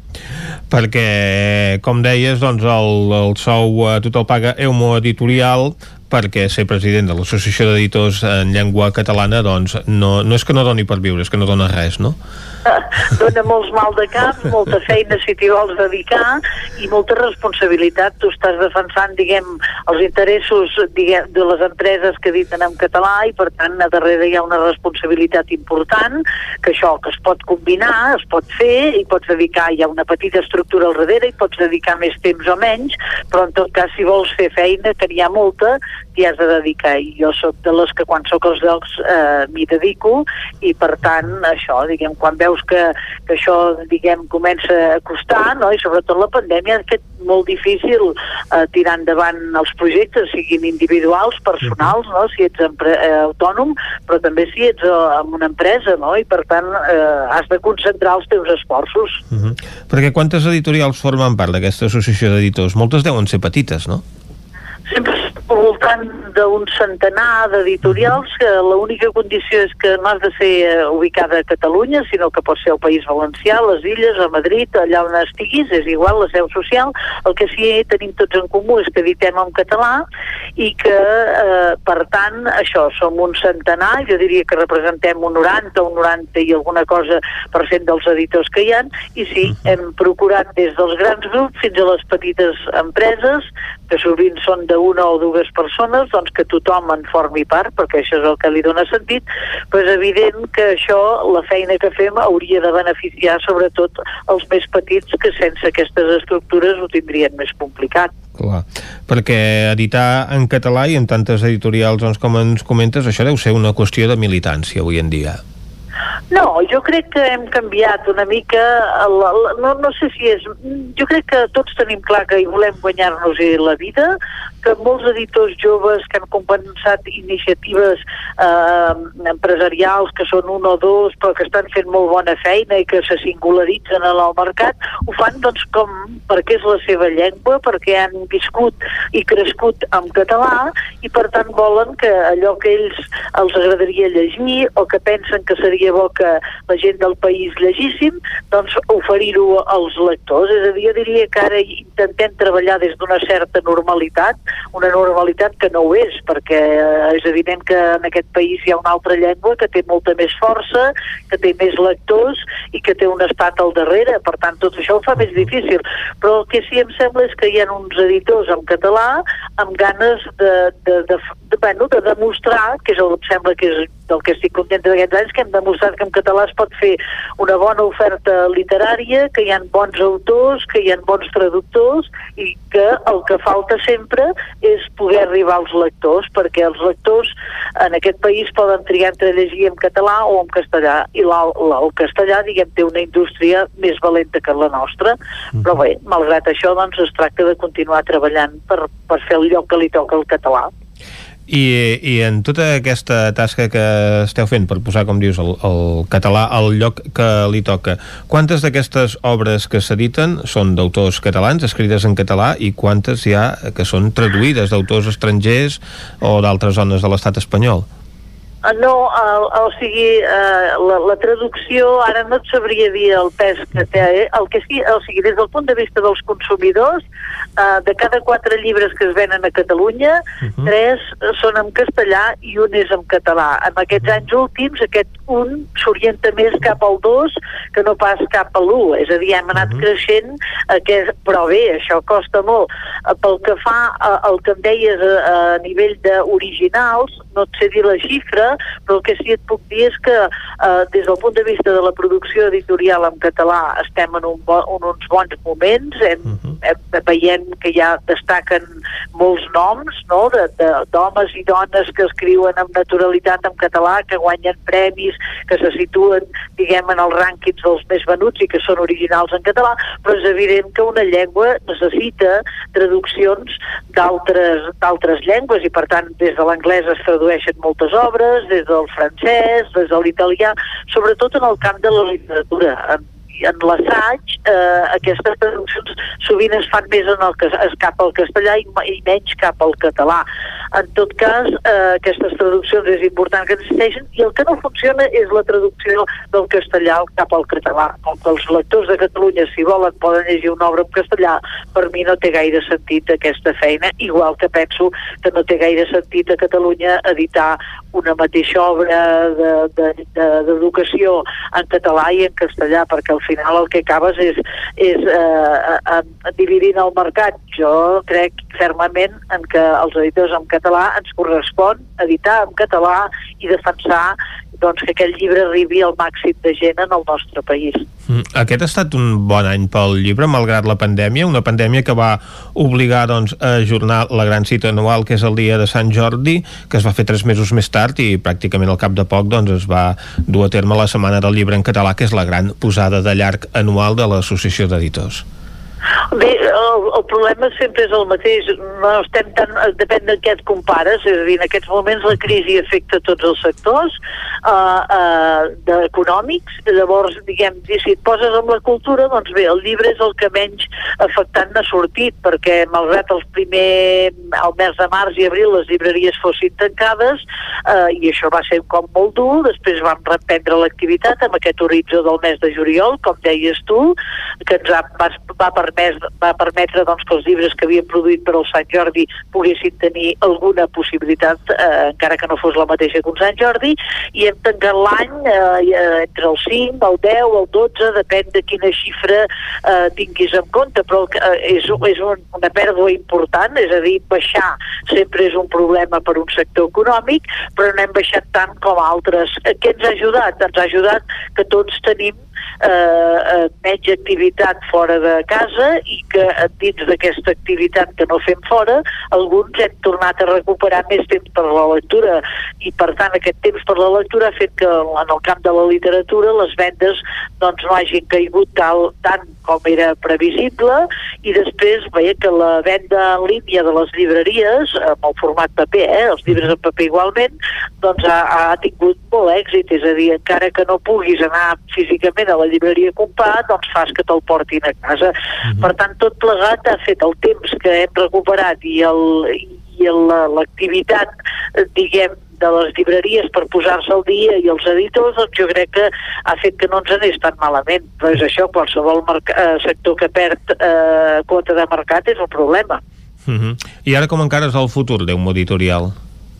Bé, el EUMO és, és uh, això, és l'editorial de la Universitat de Vic, però també és, uh, uh, formem part del grup de Cossetània, Angla, Vic i Books, uh, no? per tant estem en un marc més ampli i això ens permet doncs, uh, poder compartir projectes, eh, recursos, és a dir, compartim una única administració eh, i per tant, eh, bé, jo crec que es tracta de que de l'experiència, que ja és el que he procurat durant aquests anys, no? de l'experiència, els contactes, els coneixements que t'ofereix el fet d'estar en una associació i per tant més vinculada al sector, doncs eh, fer-ho també m'ha servit com a aprenentatge, crec que hi ha bons projectes en aquests Se'ns moments. Se'ns acaba el temps, Montse, bé, la pausa doncs, de publicitat publicitat que agraïm. Per, per, per tirar endavant. doncs molts ànims i moltes gràcies per acompanyar-nos.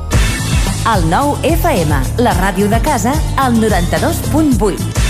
Només pensar en passar aquesta nit sense calefacció amb aquest fred? No es preocupi, hem analitzat a fons la caldera i de seguida quedarà reparada i en funcionament. Quan tingui un problema amb la seva caldera, vagi directament a la solució. Truqui sempre al servei tècnic oficial de Saunier Duval i despreocupis, perquè som fabricants i coneixem les nostres calderes peça a peça. Informis a Oficiat Nord trucant al 938860040. Saunier Duval, sempre al seu costat. Cobertes serveis funeraris. Els nostres tanatoris estan ubicats en els nuclis urbans més poblats de la comarca d'Osona per oferir un millor servei. Tanatori de Vic, Tanatori de Manlleu, Tanatori de Centelles i Tanatori de Roda de Ter. Sabem que són moments difícils i per això el nostre compromís és atendre-us en tot moment amb un tracte humà, sensible i respectuós. Cobertes serveis funeraris. Telèfon 24 hores 93 883 23 46. Cocodril Club. Si t'agrada la bona música dels anys 60, 70 i 80, escolta el 9 FM als matins de dissabtes i diumenges d'11 a 1. És el temps del Cocodril Club, tot un clàssic de la ràdio, amb les bases del pop-rock, les llegendes, les cançons que s'han convertit en autèntics himnes. Recorda, dissabtes i diumenges al matí, d'11 a 1, al 9 FM 92.8. Cocodril Club, el programa revival de l'Albert Malla. Hasta luego, cocodrilo. Anuncia't al 9FM. La màquina de casa. 9 3 8 8 9 4 9 4 9. Publicitat arroba al 9FM.cat. Anuncia't al 9FM. La publicitat més eficaç. Hi ha una màgia que no té truc. És la màgia de compartir una estona amb algú i parlar-hi. Vols practicar el català o ajudar algú a parlar-lo? Apunta't al Voluntariat per la Llengua, al programa de les parelles lingüístiques a vxl.cat. Perquè quan parles, fas màgia. Generalitat de Catalunya, 100 milions i mig de futurs. La Fogonera, resistència gastronòmica. És un restaurant? És un rostidor? És La Fogonera, la cuina en directe des de GURB, on encarregues, ho vens a buscar i ara també t'ho portem a casa. La Fogonera, resistència gastronòmica. Ara, amb la fogonera de dia, amb aperitius, arrossos, segons plats i postres. I quan cau la nit, ens transformem en un popurri culinari. Búrguers, pizza, pasta... Truca al 93 851 55 75 o entra a lafogonera.cat. La Fogonera, el teu aliat gastronòmic. El 9 FM, la ràdio de casa, al 92.8.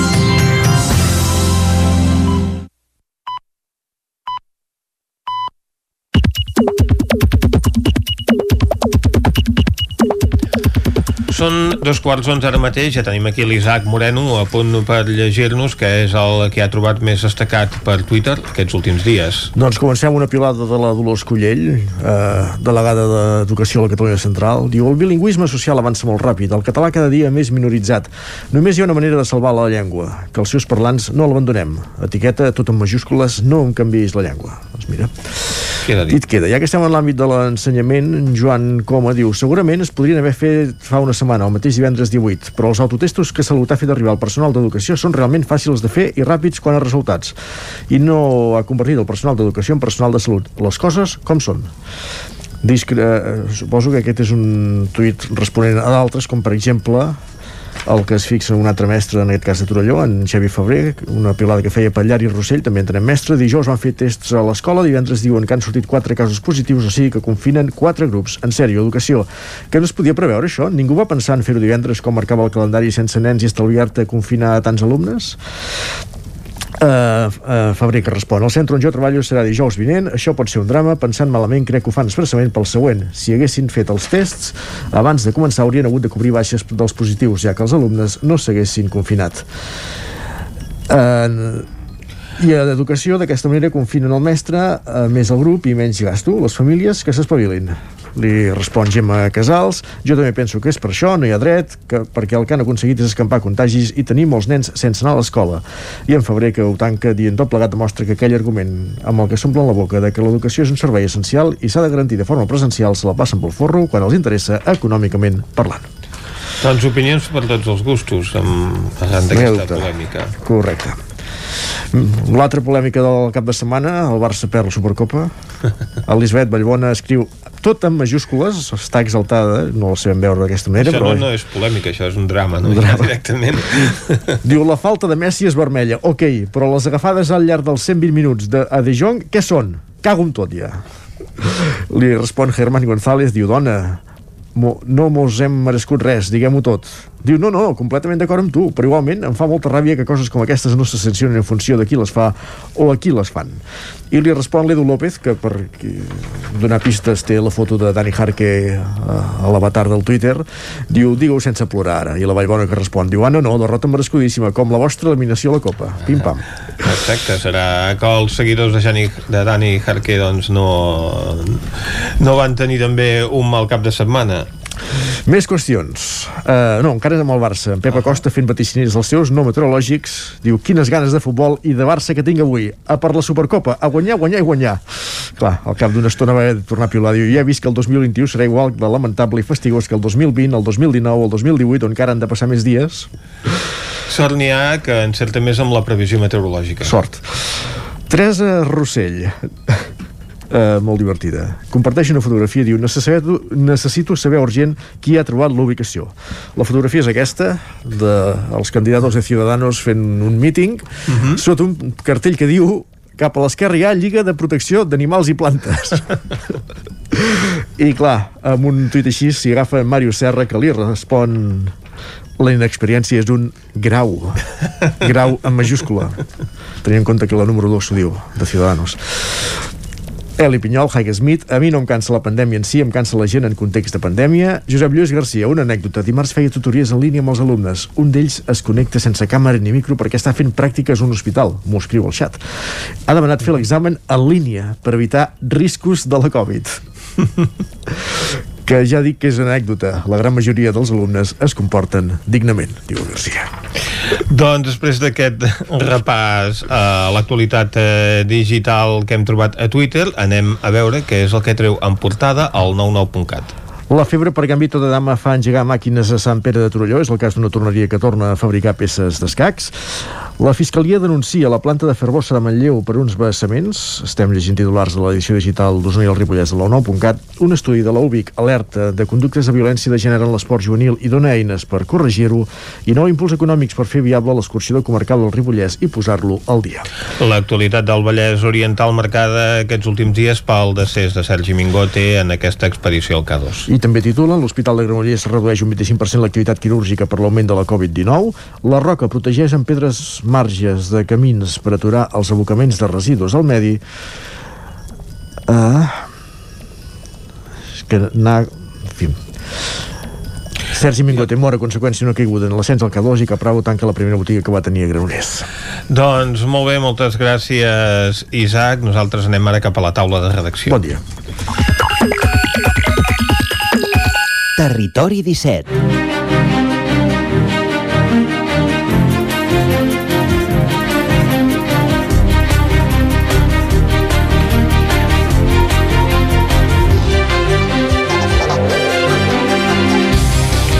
I avui a la taula de redacció ens acompanyen en Guillem Rico i l'Eloi Puigferrer.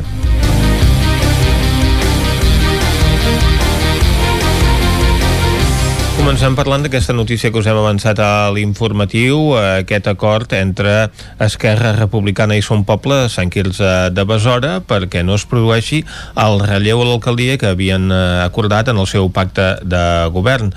Bon dia, Guillem. Bon dia. Què és el que ha passat exactament? Perquè a Sant Quirze recordem que va guanyar les eleccions Junts per Catalunya, però un pacte entre les dues forces doncs, que van quedar empatades a tres regidors cadascuna va permetre que hi hagués aquest relleu a l'alcaldia i que, a més a més, aquests dos grups acordessin doncs, compartir el mandat.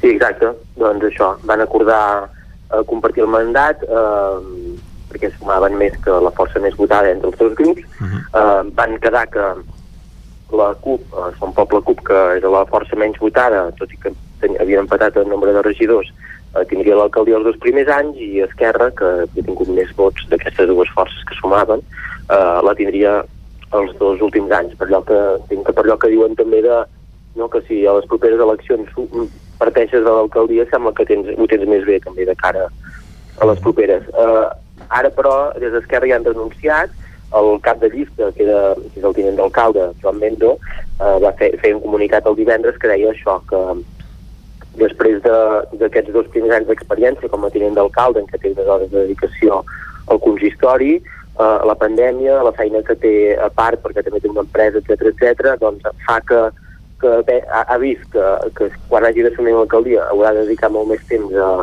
a l'Ajuntament que, que, no, que no té i que per tant uh -huh. doncs renunciava uh, a aquesta decisió uh, i que el que sorprèn uh, és que ell no ho pot assumir però tampoc ho assumirà cap altre regidor d'Esquerra uh -huh. uh, Per tant... És el que sembla que seria lògic, no? Que si el cap de llista doncs, no pot assumir en aquests moments aquesta responsabilitat, doncs ja que la seva formació és a qui li corresponia l'alcaldia en aquesta segona part del mandat, doncs fos per algun altre regidor d'Esquerra aquest càrrec. Exacte, però els altres dos regidors, que un precisament és el germà de l'alcalde, eh, que ho havíem explicat això en el moment de les eleccions, que eren dos germans que estaven una cada llista, uh -huh. eh, seria, era el número 2 d'Esquerra, eh, per motius personals no pot assumir, tampoc ho pot assumir Montse Carrera, que és la número 3 eh, d'aquesta llista. També eh, ens explicaven això, no? també quan es van presentar segurament eh, devien acordar que no anaven als primers, al primer lloc perquè no podien assumir-ho i ara doncs tampoc poden assumir-ho i mentre doncs això, no? Eh, des de des de Som Poble i també des d'Esquerra d'Osona eh, deien això, que eren des d'una edat per part seva, no? que veu que no ho podrà assumir, ho diu, uh -huh. i com que tampoc ho poden assumir els altres dos regidors i consideren que el pacte doncs, està funcionant tal com tenen repartides les feines i, i per ells doncs, l'alcalde ja ho està fent bé i ja està centrant en tot el que tenen acordat, doncs que hi ha un la millor opció és mantenir com estan i, i continuar tenint aquesta primera tinença d'alcaldia que té, que té més pes uh -huh. que és com havien quedat, que ara s'havien de, de canviar els papers, diguem, i, i continuar doncs, doncs d'aquesta manera. Um, de, uh, també parlàvem amb, amb, amb les dues formacions, totes dues descarten que, que això vol dir d'entrada, uh, encara falten dos, um, dos anys eh, per les eleccions, però uh -huh. uh, dos anys i una mica més, uh, descarten d'entrada que, que això acabi, sent, acabi fent que que es presentin en una llista conjunta de cara al 2023. S'haurà de veure què passa. Des de l'oposició, Maria Teresa Espadaler, que és la, la cap de llista de l'exalcaldessa, diguem, recordem que van fer el relleu amb l'anterior, amb Rosa Vestit a, a finals del mandat passat, per, perquè ella acabaria sent la candidata i, i Vestit va acabar assumint un càrrec a la Generalitat. Uh -huh. um, ella, que és qui va guanyar les eleccions, i està molesta, diguem, d'entrada, perquè amb aquest pacte la, la desbancada de l'alcaldia, uh -huh. deia que estava sorpresa que algú s'hagués presentat a les eleccions eh, i que ara i que renunciés a assumir l'alcaldia quan, quan la, la podia tenir. Eh, tant, i tant ell, tant, tant ho deia tant pel número 1 d'Esquerra, diguem, com pels altres dos, dos regidors i que els havia sorprès la notícia que sí que el comunicat es va fer públic el divendres al matí i deia que, que Joan Mendel havia telefonat el dijous a, a l'ABC per, per dir-li de, de primera mà abans que ho veies al comunicat. Uh -huh. uh, I ella tornava a estendre la mà, que és el que van fer al principi, d'estendre la mà a tots els grups per fer un, un govern conjunt. Uh -huh. uh, altres els grups ja han dit que tal com estan funcionen bé i que per tant doncs, la idea és mantenir-ho així fins a, fins a final de, de mandat. Uh -huh. que recordem que, recordem que Som manera... Poble és, és una candidatura coaligada a la CUP. Sí, exacte, Som Poble és la CUP, de fet és l'única alcaldia que té la CUP a, a la comarca, exacte. l'única i la primera que ha tingut. I, I per tant la manté. Això, per tant, acabarà mantenint-la fins a final de mandat. Recordem que per aquest motiu també um, David Solà, l'alcalde, és, és vicepresident, és un dels vicepresidents de, del Consell d'Alcaldes, que recordem que les vicepresidències per, una, per, per un alcalde de cada partit, uh -huh. per tant, doncs seria això. Llavors també hi haurà altres relleus que, que sí que estaven previstos uh, a la comarca en alcaldies abans de que acabi el uh -huh. mandat. Uh, un, uh, o sigui, n'hi havia tres de previstos d'entrada, aquest ja no es farà, el de Sant Quirze, tampoc es farà el de Roda que hi havia previst en l'inici amb aquell pacte entre IPR i Junts per Cat, després hi ha hagut canvis amb la moció de censura, per tant hi ha hagut un canvi d'alcaldia però ha estat diferent, uh -huh. va ser el juliol. Um, Llavors, n'hi haurà un altre Lluçà, entre el mateix grup, que ja van acordar que eh, de Buixaré i, i Glòria Colom que es partirien l'alcaldia, perquè era una condició per la qual va acceptar Buixaré de, de, de, de ser candidata uh -huh. per fer aquest relleu, i aquest sí que estava previst des del principi, i llavors n'ha afegit un altre eh, eh, durant aquest mandat, que va ser ara aviat per un any, que va ser a Montesquieu, quan l'equip de govern d'Esquerra va renunciar a l'alcaldia, eh, i el govern van plegar en, en bloc, després van, va haver-hi un acord entre, entre Junts per Catalunya que era, eh, i, i Som Montesquieu, que és una, una, una formació eh, associada a la CUP també, i per tant en aquest cas, eh, com que va ser més tard, el relleu s'hauria de fer a finals d'aquest any entre l'actual alcalde Jaume Romeu de, de, de Junts per Catalunya i Nuri Soler, que és la, la primera tinent, no, el primer tinent d'alcalde no, perquè va renunciar fa poc, el van fer un canvi, però és la, la, la, és la cap de llista, diguem, de, de Som Montesquieu. Uh -huh. Per tant, això, hi haurà aquests dos relleus previstos d'entrada, abans que acabi el mandat, veurem què passa, perquè aquestes coses mai se saben com, com poden anar i a vegades ens sorprenen, com ha passat en aquest cas de Sant Quirze. Doncs moltes gràcies, Guillem.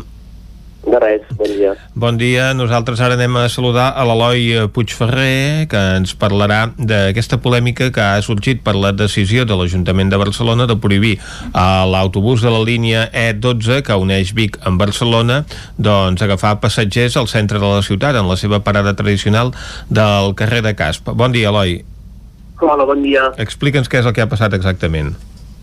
Doncs mira, molt senzill, eh, des de l'Ajuntament de Barcelona, amb les recents modificacions que està fent a la zona del centre, eh, donant més importància també a les bicicletes i intentant treure una mica també els vehicles del, del centre de la ciutat, doncs un dels passos que ha volgut fer és eh, pràcticament voler apartar totes les línies d'autobús regular del centre, de totes les localitats que arriben eh, directament cap a la zona de, de plaça Urquinaona, de plaça Catalunya, etc. I una d'aquestes línies afectades és la línia 12, la, la línia que uneix la capital usonenca amb Barcelona, mm. i aquí perdrien pràcticament una de les parades més importants a aquesta línia. Fa una primera parada a la ciutat, a la zona de la Sagrera, on té connexió amb zones com el metro i també amb diversos autobusos, però hi ha moltes queixes perquè aquesta parada, aquesta parada del carrer Cas, suposaria perdre pràcticament l'oportunitat d'anar a peu al centre de Barcelona i això ha enfadat molt els usuaris i també també l'empresa que explota el servei, Segalés, que uh -huh. afirmava que el, aquesta parada l'any passat, bueno, el 2019, perquè aquest any 2020 les xifres no són prou representatives... No, no es poden valorar, efectivament. No es poden valorar perquè hi ha hagut una davallada importantíssima en nombre d'usuaris, defensava que el 2018 hi van haver més, van recollir a la carrera, al carrer Cas més de 60.000 persones uh -huh. uh, per portar o per tornar cap a Vic i en canvi l'estació del nord, que ve ser el fi de línia, ve ser una mica l'estació final, eh, només n'hi van recollir 7.000, malgrat estar bastant a prop, eh, un està a prop de, de plaça Urquinaona, l'altre està gairebé al costat eh, d'Arc de Triomf, mhm. -huh. però el fet de no ser purament al centre no tenia aquest punt de, de proximitat i d'això em comentaven també des de Sagalés que aquesta parada del centre és molt bona sobretot per gent gran, gent que treballa directament eh, al centre de la ciutat i, i que els permet arribar a tot arreu a peu, que no implica fer cap mena de transport, sobretot per gent que prefereix anar-hi a peu o per uh -huh. gent que no sap o no té la facilitat que, que pot tenir per, per fer-ne.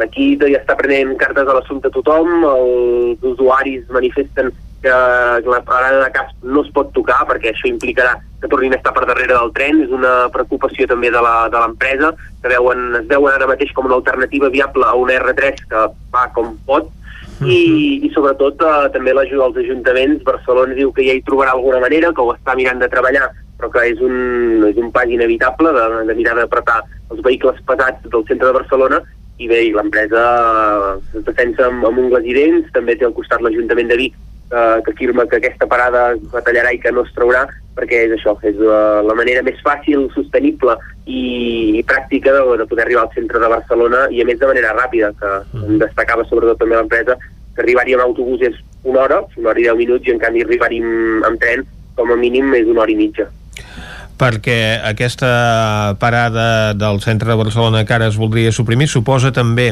que no arribin els autobusos a l'estació del nord eh, recordem que d'aquesta línia doncs, hi ha alguns serveis que es queden a Sagrera que és el, el que ara haurien de fer tots i alguns altres doncs, que sí que entren al centre de la ciutat aquests que entren al centre de la ciutat tampoc no arribarien a l'estació del nord? En principi, eh, és el que s'està mirant des de l'Ajuntament de Barcelona, de moment estan demanant paciència perquè estan eh, mirant de buscar alguna alternativa, però el que sembla ser és que de moment sí que s'estaria buscant l'opció d'arribar amb algun superintercanviador, com podria ser perfectament l'estació del nord, -huh. perquè el que no volen eh, és tenir autobusos amb els xanfrans de, de l'Eixample que impedeixin el correcte trànsit, ja que també hi estan restant carrils per una altra banda, i tampoc contaminar, fer soroll, etc de moment no serà una cosa que s'apliqui a partir de demà ni a partir de demà passat, però sembla ser que, que l'Ajuntament està intentant reubicar-los en espais on no molestin i on es pugui fer, com podria ser perfectament l'estació del nord, però que en principi això, el, la facilitat i la practicitat d'arribar al centre no hi seria. Ara bé, el que defensen també des de Segalés i també amb usuaris és dir, eh, aquesta parada va recollir 60.000 persones, Estació del Nord el 2019 en va recollir 7.000, una diferència de 53.000 persones que faltaria veure com reaccionarien amb aquest canvi i seguirien, apostarien per anar fins a Estació del Nord o preferirien agafar el tren que els deixi al centre. Sempre hi haurà l'alternativa de la Sagrera, que de moment aquesta sembla ser que no es tocarà, i de fet és la parada que més eh, viatges té cada dia, més amb, amb bastants viatges, però és el, el problema que destaquen, que molta gent no s'atreveix perquè o no sap uh, dominar el metro, es pot perdre, sobretot gent gran que pugui anar al centre o comprar o fer visites mèdiques, i que una parada com aquesta del centre de Barcelona és molt necessària. Mm -hmm. Molt bé, doncs, moltes gràcies, Eloi, eh, per aquesta informació sobre aquest problema de transport públic entre Vic i la ciutat de Barcelona. Nosaltres tanquem aquí la taula de redacció. Territori 17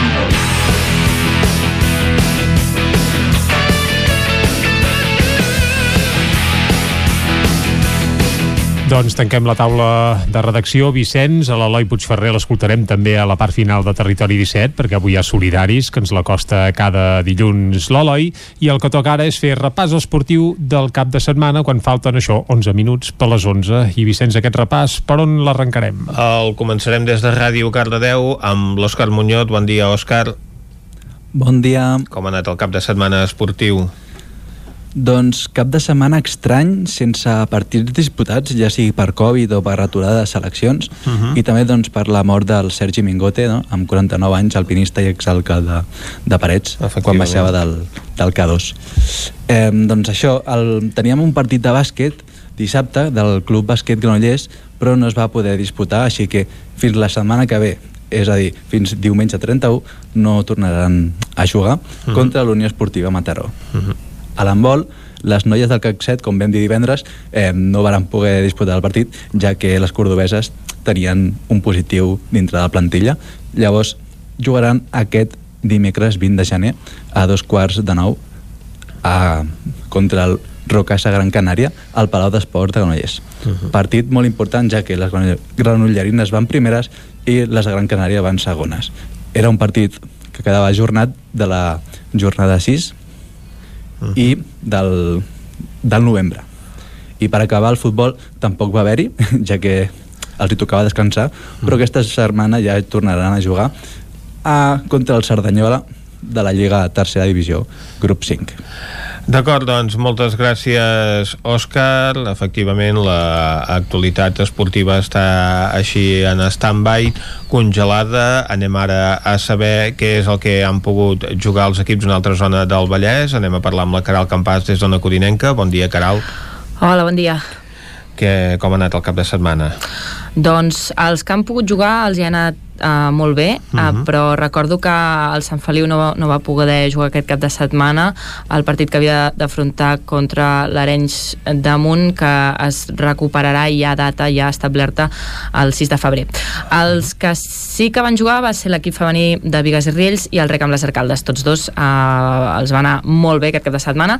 El Vigues i Riells femení va poder aconseguir els dos objectius que tenia davant del Vilanova van sumar 3 punts i van do poder donar minuts a les jugadores menys habituals.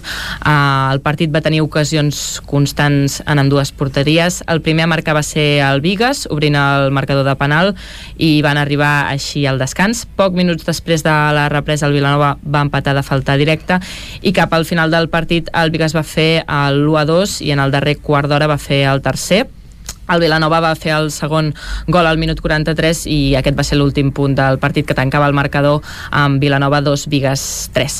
Per tant, bé, un bon partit pel Vigues que, que, els, que, els, que els suma 3, 3 punts. I el Rec amb les Arcaldes també els va anar molt bé, van tenir una victòria important aquest cap de setmana davant el Voltregà um, perquè, bé, l'AMI iguala punts amb el Reus Deportiu, que és quart classificat, i per tant tant el Reus com el Caldes estan a, a 29 punts. Aquest triomf eh, dona i entra de ple a la lluita per aquest eh, top 4, per tant que, que donaria accés a la, a la Champions. Eh, us comento una mica el partit. Eh, va començar amb un ritme elevat i amb clares arribades pels dos conjunts, però qui va tenir la sort de cara al principi va ser Alcaldes, que es va avançar, avançar ja al minut 8. En dos minuts van fer quatre gols, 4-0, que deixava el partit força encarrilat pel, pel Caldes. Just abans del descans el Voltregà va marcar i a la segona part es van alternar, diguéssim, els rols. -huh Alcaldes, el 33 va sorprendre el porter amb un xut llunyà i el Voltregà va posar l'emoció al partit fent el 4-3 just després d'aquest de, gol, uh, dos minuts després de, de que marqués Alcaldes, feia aquest 4-3 al minut 35, però bé, finalment el partit uh, el va tancar Alcaldes fent el definitiu 5-3 al minut 39. Molt bé, moltes gràcies, Caralt. A vosaltres. Anem ara a escoltar l'Isaac Muntades des de la veu de Sant Joan. Bon dia, Isaac. Bon dia, Vicenç. Bon com, dia. Com don... ha anat el cap de setmana? Bé, no hi ha massa cosa, com sabeu, aquí al Ripollès, però sí que de tant en tant anem fent un seguiment de, dels ripollesos que tenim repartits arreu del món i m'agradaria destacar, ja, ja n'hem parlat alguna vegada, eh, però el Sant Joaní Àlex Corredera, que sabeu que juga doncs, al club de futbol Badajoz de, de segona divisió B, concretament al grup 5, eh, en aquest cas en el, en el subgrup B Uh, cal destacar que, bueno, que és un grup de 10 equips i el Badajoz és líder incontestable uh, perquè té 25 punts que són 10 més, eh? 10 més que el segon classificat, eh, que sí que és veritat que té un partit menys, però clar, són molts punts, amb 8 victòries, un empat i només una derrota, més de 21 gols a favor i només 5 en contra, i per tant, doncs, eh, està en molt bona dinàmica i potser l'any que ve, doncs, tindrem un Ripollès al futbol professional si continua així eh, l'equip extremeny, no? I, I bé, i a veure si, si pot ser i a més el Sant Joaní s'ha de dir que s'ha destapat com un golejador aquesta temporada perquè ha fet 4 dianes, que això suposa un 20% dels gols de l'equip, per tant molt bé Àlex Corredera aquesta temporada. I després res, dir-vos uh, un dia més anem recordant uh, com està la situació de les estacions d'esquí. No, no s'hi pot uh, no hi pot anar pràcticament ningú però sí que continuen obertes. És aquesta paradoxa. I per exemple doncs, a Vall de Nuri tenim 100 centímetres de, de gruix en alguns punts entre 60 i 100 de neu pols, per tant molt bona neu amb 4-12 pistes uh, obertes el 38% dels quilòmetres esquiables i, i funciona el 60% dels remuntadors amb, amb una temperatura sota zero però, però bastant bona. I pel que fa a Vallter doncs tenim fins a 70 centímetres de neu, de neus pols dura amb la meitat de les pistes obertes el 40% dels quilòmetres esquiables i en aquest cas la temperatura és una mica millor pràcticament de 3 graus per anar a esquiar. No sé si podran anar-hi uh, els nens aviat o no, perquè tan aviat diuen com que sí com que no, els nens que fan doncs, l'esport blanc, però bé ho sabrem en els propers dies si el govern decideix doncs, aclarir-se en aquesta situació? A veure, doncs sí, poden anar. Moltes gràcies Isaac. A vosaltres Ara nosaltres anem a fer un repàs de l'actualitat esportiva a la comarca d'Osona amb l'Ester Rovira. Ja sabem,Ester, que el Voltregà va perdre amb alcaldes. Sí, exacte. I el Pativic tampoc li van anar gaire bé les coses. Tenia l'opció de sumar la tercera victòria del curs i segona consecutiva, uh -huh. però, però era complicat perquè visitaven la, la pista del, del Noia uh, i van disposar d'ocasions, però els va tornar a faltar encert de cara a porteria davant, en canvi, de molta efectivitat dels locals i van perdre, com deies, 5 a 0 a la pista de, no, no a la pista del Noia, uh, visitant el Noia, però uh, doncs jugant a Calafell no per les Sant obres Sadurní. que s'estan fent al pavelló de, de Sant Sadurní. Uh, per tant, això, mm, males notícies pel, pels biguetans, això sí que continuen doncs, com a penúltims, perquè recordem que amb el partit endarrerit de, de la setmana passada, de dimarts, van, van poder sortir almenys de, de l'última posició de, de l'hoquei Lliga, que ara l'ocupa el, el Mataró, i com bé deies, en el cas del, del Voltregà derrota uh, doncs en aquesta visita visita a Caldes a causa d'un mal inici dels, dels voltreganesos que van encaixar 4, 4 gols a 0 que això es fa molt difícil de remuntar. S'hi van fer però també va ser un partit doncs, això carregat de faltes i de targetes blaves i van acabar uh, perdent però es mantenen sisens a la, a la classificació amb 21 punts i pendents de jugar a demà perquè hi ha jornada uh, doncs de, de l'hoquei Lliga. Uh, i en el seu cas doncs, per exemple el Voltregà que, que és l'únic equip usonenc que juga a casa rebrà el, el Barça en el cas de l'hoquei Lliga Plata, notícies aquestes sí positives, perquè el Manlleu va acabar líder del grup nord la primera volta, després de superar dissabte a casa el Capellades per 5 a 2. Uh, per tant, un objectiu complet, el dels manlleuencs, malgrat que van començar, recordem, molt tard la Lliga, un mes més tard que els seus rivals, que també hi havia partits doncs, que comptaven amb els punts i que al final no els han pogut aconseguir. Uh, el balanç en general és, és bo poder acabar líders i a veure doncs, si de cara a la segona volta es poden mantenir en aquesta part alta del grup nord i lluitar per l'objectiu que fa, que fa temps que persegueixen, que és el de retornar uh, a l'hoquei Lliga. Uh -huh. uh, victòria també en el cas del primer equip femení del Club Patí Manlleu, aquest cap de setmana a l'hoquei Lliga femenina, uh, enfrontament complicat el que tenien perquè visitaven el, el segon i l'equip que durant molts partits ha anat líder perquè en va, avançar, en va avançar algun i per tant en tenia més de disputats que les manlleuenques, que és el Cerdanyola, uh -huh. um, i van poder doncs, això fer un, fer un bon partit i guanyar per, per 2 a 5 uh, de manera que ara ja amb tots els uh, mateixos uh, partits jugats les manlleuenques tenen un punt més que les uh, ballesanes i per tant doncs això tot de cara perquè les manlleuenques uh, puguin acabar aquesta primera fase de la competició aquest any a l'hoquei Lliga Femenina uh, com a primeres de, de grup això pel que fa l'hoquei és el més destacat uh -huh. uh, però també hem tingut altres equips usonencs competint aquest cap de setmana per exemple en bàsquet uh, el Club Bàsquet Vic, Universitat de, de Vic a la Lliga EVA que va perdre el liderat um, del, del grup uh, del seu grup, que és el C3 uh -huh. uh, el passa a compartir hem de dir amb el, amb el Lluc Major però bé, uh -huh. ja no és líder en solitari com, com fins ara perquè justament va perdre amb l'equip uh, Balear eh, que va aconseguir forçar la pròrroga i emportar-se la, la victòria a l'últim sospir del partit per 93 a 97 tot i així un molt bon partit el que es va poder veure en directe a més a més per, per al nou TV perquè el partit es va poder eh, seguir en, en directe. Eh, on sí que hi va haver una victòria i a més a més important és a la primera divisió nacional femenina de, de futbol. El Vic Riu Primer que va guanyar eh, ahir a la tarda a casa al Girona per 2 a 0 eh, i doncs és cinquè a la, la classificació amb 21 punts eh, anar ajustant distàncies a la part de dalt on el Sant Gabriel és el líder amb 26 per tant només 5 punts més. Molt bon inici de campanya aquesta temporada eh, de, les, de les biguetanes. Eh, la idea era doncs consolidar-se i fer un pas més respecte a l'any passat quan van retornar a la categoria i de moment doncs eh, partits molt treballats eh, tant a casa com a fora i els resultats que, que de moment les, les acompanyen. I per acabar si et sembla fem dos apunts sí. eh, més. Eh, un per parlar dels campionats d'Espanya d'esquí de muntanya i un altre per parlar del, del Dakar que ja n'hem anat parlant molt. Eh, però bé, en el cas de, dels campionats d'Espanya de, d'esquí de, de, de muntanya destacar el títol aconseguit per la call de Tenenca Marta Garcia uh, aquest cap de setmana, avui Taüll um, diumenge uh, doncs, es va imposar a la cursa vertical uh, uh, Anna Alonso uh, i Fàtima Diego. Per tant uh, Clàudia Galícia que va acabar aquesta seva trajectòria com a esquiadora d'esquí de muntanya destacada. A darrere uh -huh. sempre hi anava Marta Garcia. Doncs ara Marta Garcia continua uh, aconseguint bons resultats i anant al, al capdavant. Uh -huh. i en el cas de, del Dakar uh, Nani Roma que ha estat l'usonenc més ben classificat amb una cinquena posició a la, a la classificació general en la categoria de, de cotxes. També destacar doncs, la bona actuació de, de Laia Sanz que va acabar l'onzena participació al Dakar en 17a posició, n'ha acabat 11 dels 11 que ha disputat, que això també ja és un gran mèrit i poca gent uh, ho pot uh, dir.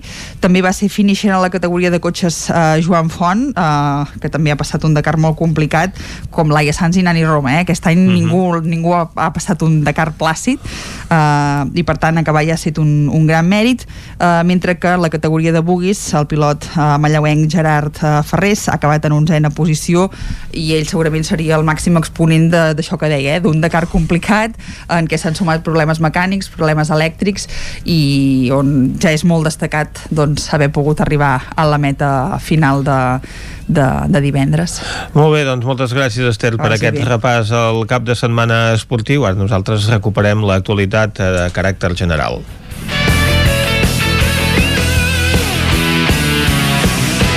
Doncs ara mateix són les 11 i 2 minuts del matí i en aquest punt torna la informació de les nostres comarques, les comarques del Ripollès, Osona, el Moianès i el Vallès Oriental. Territori 17, amb Vicenç Vigues i Jordi Sunyer.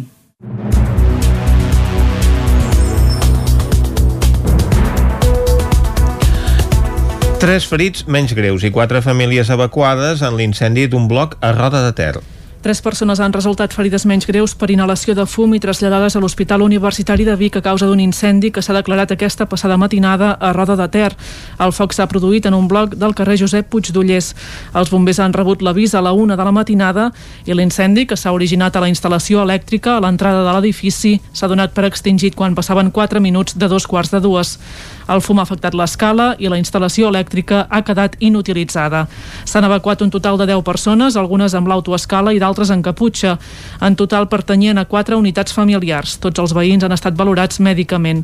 Segons els bombers, dues de les famílies s'han traslladat momentàniament a casa de familiars o amics.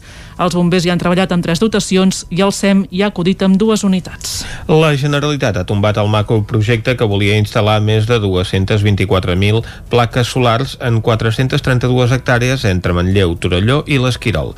El Departament de Territori considera que no és viable per l'impacte urbanístic que podria tenir sobre el territori.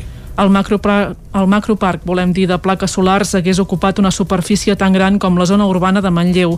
Els ajuntaments de Torelló, Manlleu i l'Esquirol ja s'hi havien oposat i ara la Generalitat ja ha dit la seva. La Ponència d'Energies Renovables, que és l'òrgan que precisament analitza projectes d'aquest tipus, considera que l'emplaçament no és viable. L'impacte urbanístic i paisatgístic i el fet que el Departament d'Agricultura hi posés condicions ha fet decantar la balança cap al no. Des dels ajuntaments afectats celebren la decisió. Enric Vilaragut és el regidor de Serveis Territorials de l'Ajuntament de Manlleu. No estem en contra, però aquestes bestieses no. Ara es tracta de fer un treball que sigui eh, més eh, assenyat possible, és a dir, que es permeti, perquè ens fan falta, per transició energètica ens fan falta parcs solars, però que es facin amb una dimensió determinada i en llocs que, que no ens causin impacte. Territori sí que hi ha donat llum verda, ha donat llum verda, volem dir, al projecte de Folgueroles, que afectaria 46 hectàrees, però calen més informes. El proper pas és fer front comú entre ajuntaments i el Consell Comarcal d'Osona per treballar en un model cap a la transició energètica, tal com explica Gil Salvans, tècnic de l'Agència Local de l'Energia d'Osona. Tothom ho té molt clar que hem d'impulsar el tema de la transició, posar plaques, a, a impulsar la ciutadania, a posar els mitjans fàcils perquè ho puguin fer-ho, però ho hem de fer-ho respectant el territori. I per tant la idea seria establir un model que cada ajuntament pugui adequar-se, perquè és competència municipal el tema urbanístic, en el seu planejament els ajuntaments avisen que cal estar preparats perquè arribaran més macroprojectes d'aquestes característiques. Ecologistes en Acció porta al jutjat de la Generalitat per la contaminació d'ozó que afecta especialment la comarca d'Osona. La plataforma considera que no està fent prou per afrontar la problemàtica que té conseqüències negatives en la salut dels humans i en la vegetació. Cada estiu, a banda de la calor, la contaminació per ozó troposfèric és cada vegada més elevada. A la plana de Vic és molt accentuada i, tot i que no es percep, provoca sensacions lesions d'ofec o fins i tot problemes cardiovasculars a llarg termini. A través d'un informe de l'enginyera usonenca Ginés Tamari, Ecologistes en Acció denuncia que la Generalitat no està complint amb les recomanacions des del 2012 i exigeix que es faci un pla de xoc a tres mesos vista. Considera que la solució passa per replantejar la mobilitat. Ginés Tamari. El cotxe elèctric no serà la solució perquè el cotxe elèctric al final requereix una, una electricitat que genera alguna altra banda, potser no aquí, però acaba generant també problemes d'ozó i el que creiem és que hi ha d'haver un canvi absolut de mentalitat i una ajuda per part de l'administració per facilitar el transport públic, que per exemple aquí a Osona és realment molt deficitari. El Departament de Territori i Sostenibilitat defensa que ja hi estan treballant, però ha avançat que no ho podrà complir només en tres mesos de termini. Assegura que el contaminant d'ozó ha anat a la baixa en els últims anys. Ripoll bonificarà tot l'import equivalent de la taxa d'escombraries del 2020 a tots els establiments afectats per la Covid-19. Isaac Muntades, des de la veu de Sant Joan. L'Ajuntament de Ripoll subvencionarà al 100% l'import equivalent a la taxa d'escombraries pagada pels establiments de restauració i comerços durant l'any 2020 que haguessin hagut de cessar la seva activitat per culpa de les mesures restrictives de forma total o parcial. L'acord, que provenia d'una moció d'Esquerra Republicana de Catalunya, es va votar per unanimitat en el darrer ple telemàtic. A més, el text demanava que l'import es rebés durant el primer trimestre d'aquest 2021. Al principi, la moció deia que s'havia de subvencionar la taxa d'escombraries, un fet que formalment no era correcte i hagués generat un informe negatiu d'intervenció. El regidor de Serveis Econòmics de Junts per Ripoll, Josep Maria Creixans, va explicar aquest problema. Perquè això és una taxa, no és un impost. Per tant, com que és una taxa, el que ha de fer és cobrir el servei. En aquest cas, en el seu dispositiu, tant el primer semestre com en el segon semestre, la taxa d'escombraries s'ha tingut de pagar per tots els usuaris. Per tant, en aquest cas, tots els bars, restaurants i comerços que han tingut de tancar. En el, com saben bé, en el primer semestre van provar una subvenció que van treure les bases i van subvencionar un trimestre pel tancament d'aquests establiments. Però sí que prèviament es va tindre de pagar la taxa i després es va retornar els diners en, en forma de subvenció. Creixans estava d'acord en fer una subvenció que pogués cobrir els dies que no s'havia utilitzat el servei, però era més complicat per tot l'any. Per tant, per poder-ho fer no es podia utilitzar el concepte de que es donava una ajuda per cobrir el servei. Al final es va arribar a un acord, però el portaveu republicà Roger Bosch també va expressar el seu malestar perquè es tombés la urgència de la moció en el darrer ple. D'entrada podíem haver intentat fer-vos arribar la informació abans, de fet és en el moment que vam tenir el redactat preparat i inclús a última hora doncs, matitzàvem punts tècnics. Però quan un punt entra per urgència, el primer que es vota és l'urgència d'aquest, no el contingut del mateix. En tot cas, dir que no havia tingut temps a mirar-ho, bueno, doncs no sé, és a dir, al final eh, les eines hi són i si fa falta, penso que és un moment important com per parar 10 minuts si feia falta al plenari i que els grups es poguessin mirar un text d'una pàgina com el valoraven. En aquest sentit, tots els grups desconeixien de què parlava la moció abans del ple i el regidor del grup socialista, Enric Pérez, va dir que havien tingut un mes més tots plegats per debatre la moció en una comissió i no es va fer. A Caldes de Montbui comencen les obres del nou itinerari de vianants entre el Passeig del Remei i el Camí de Foment. Caral Campàs, des d'Ona Codinenca.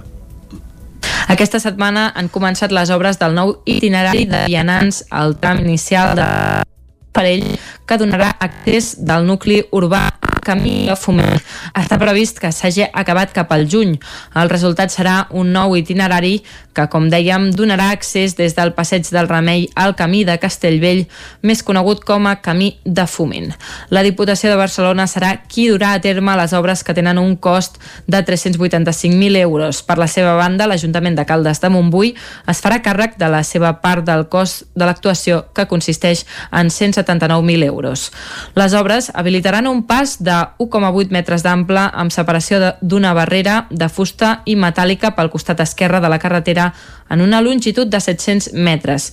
Aquest nou pas donarà continuïtat a l'itinerari de 40 metres que va paral·lel pel costat esquerre de la sortida nord de Caldes que passa en Feliu fins al trencant de la carretera del Farell, la intersecció amb la BB baixa 1243.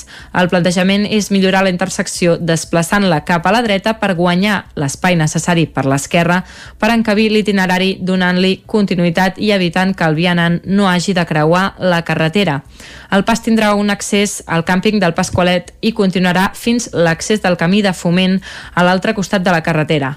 Aquest punt de creuament disposa de suficient distància de visibilitat de parada en ambdós sentits de circulació i de bandes transversals d'avís pels vehicles. El Museu Arxiu Tomàs Balvei de Cardedeu edita sis noves guies per passejar en bici a peu per Cardedeu. David Auladell, de Ràdio Televisió Cardedeu.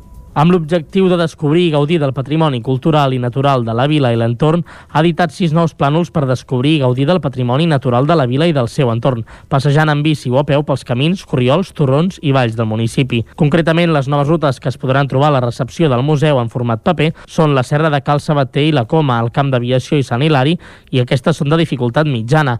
La volta al Rieral es considera d'alta dificultat i un passeig per Cardedeu de baixa dificultat. Aquests plànols formen part de les 24 caminades a peu i passejades en bici que es poden descarregar en format PDF i GPX.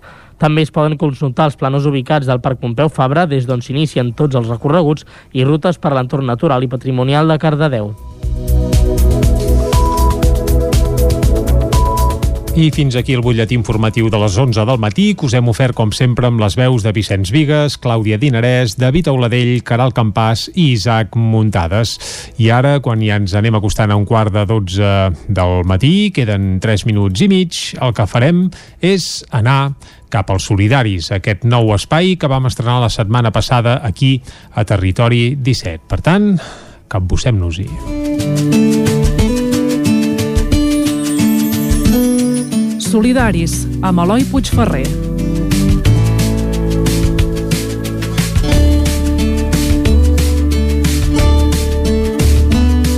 La solidaritat es manifesta de mil i una formes, que van des de grans missions solidàries per combatre la fam o la pobresa al món, accions tan simples i tan necessàries com posar un plat calent a taula de qui més ho necessita.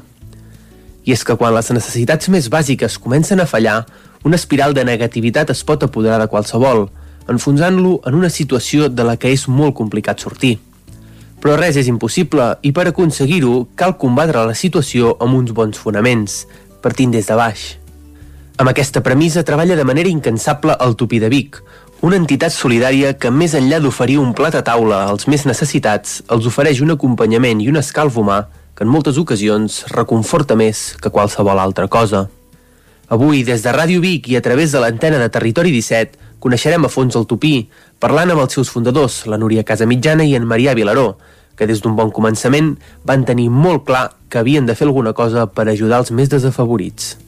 I l'il·lusió que era, doncs mira, quan ens vàrem jubilar, com que teníem molt contacte amb el menjador de, de Granollers, amb el Xiprer, i de tant en tant la Mercè deia a Vic també seria necessari, ens vàrem informar que hi havia tota una sèrie de persones que encara que semblava que a la ciutat dels Sants i Bons no passava res. I va ser un moment que va arribar molta immigració ja aquí a Vic.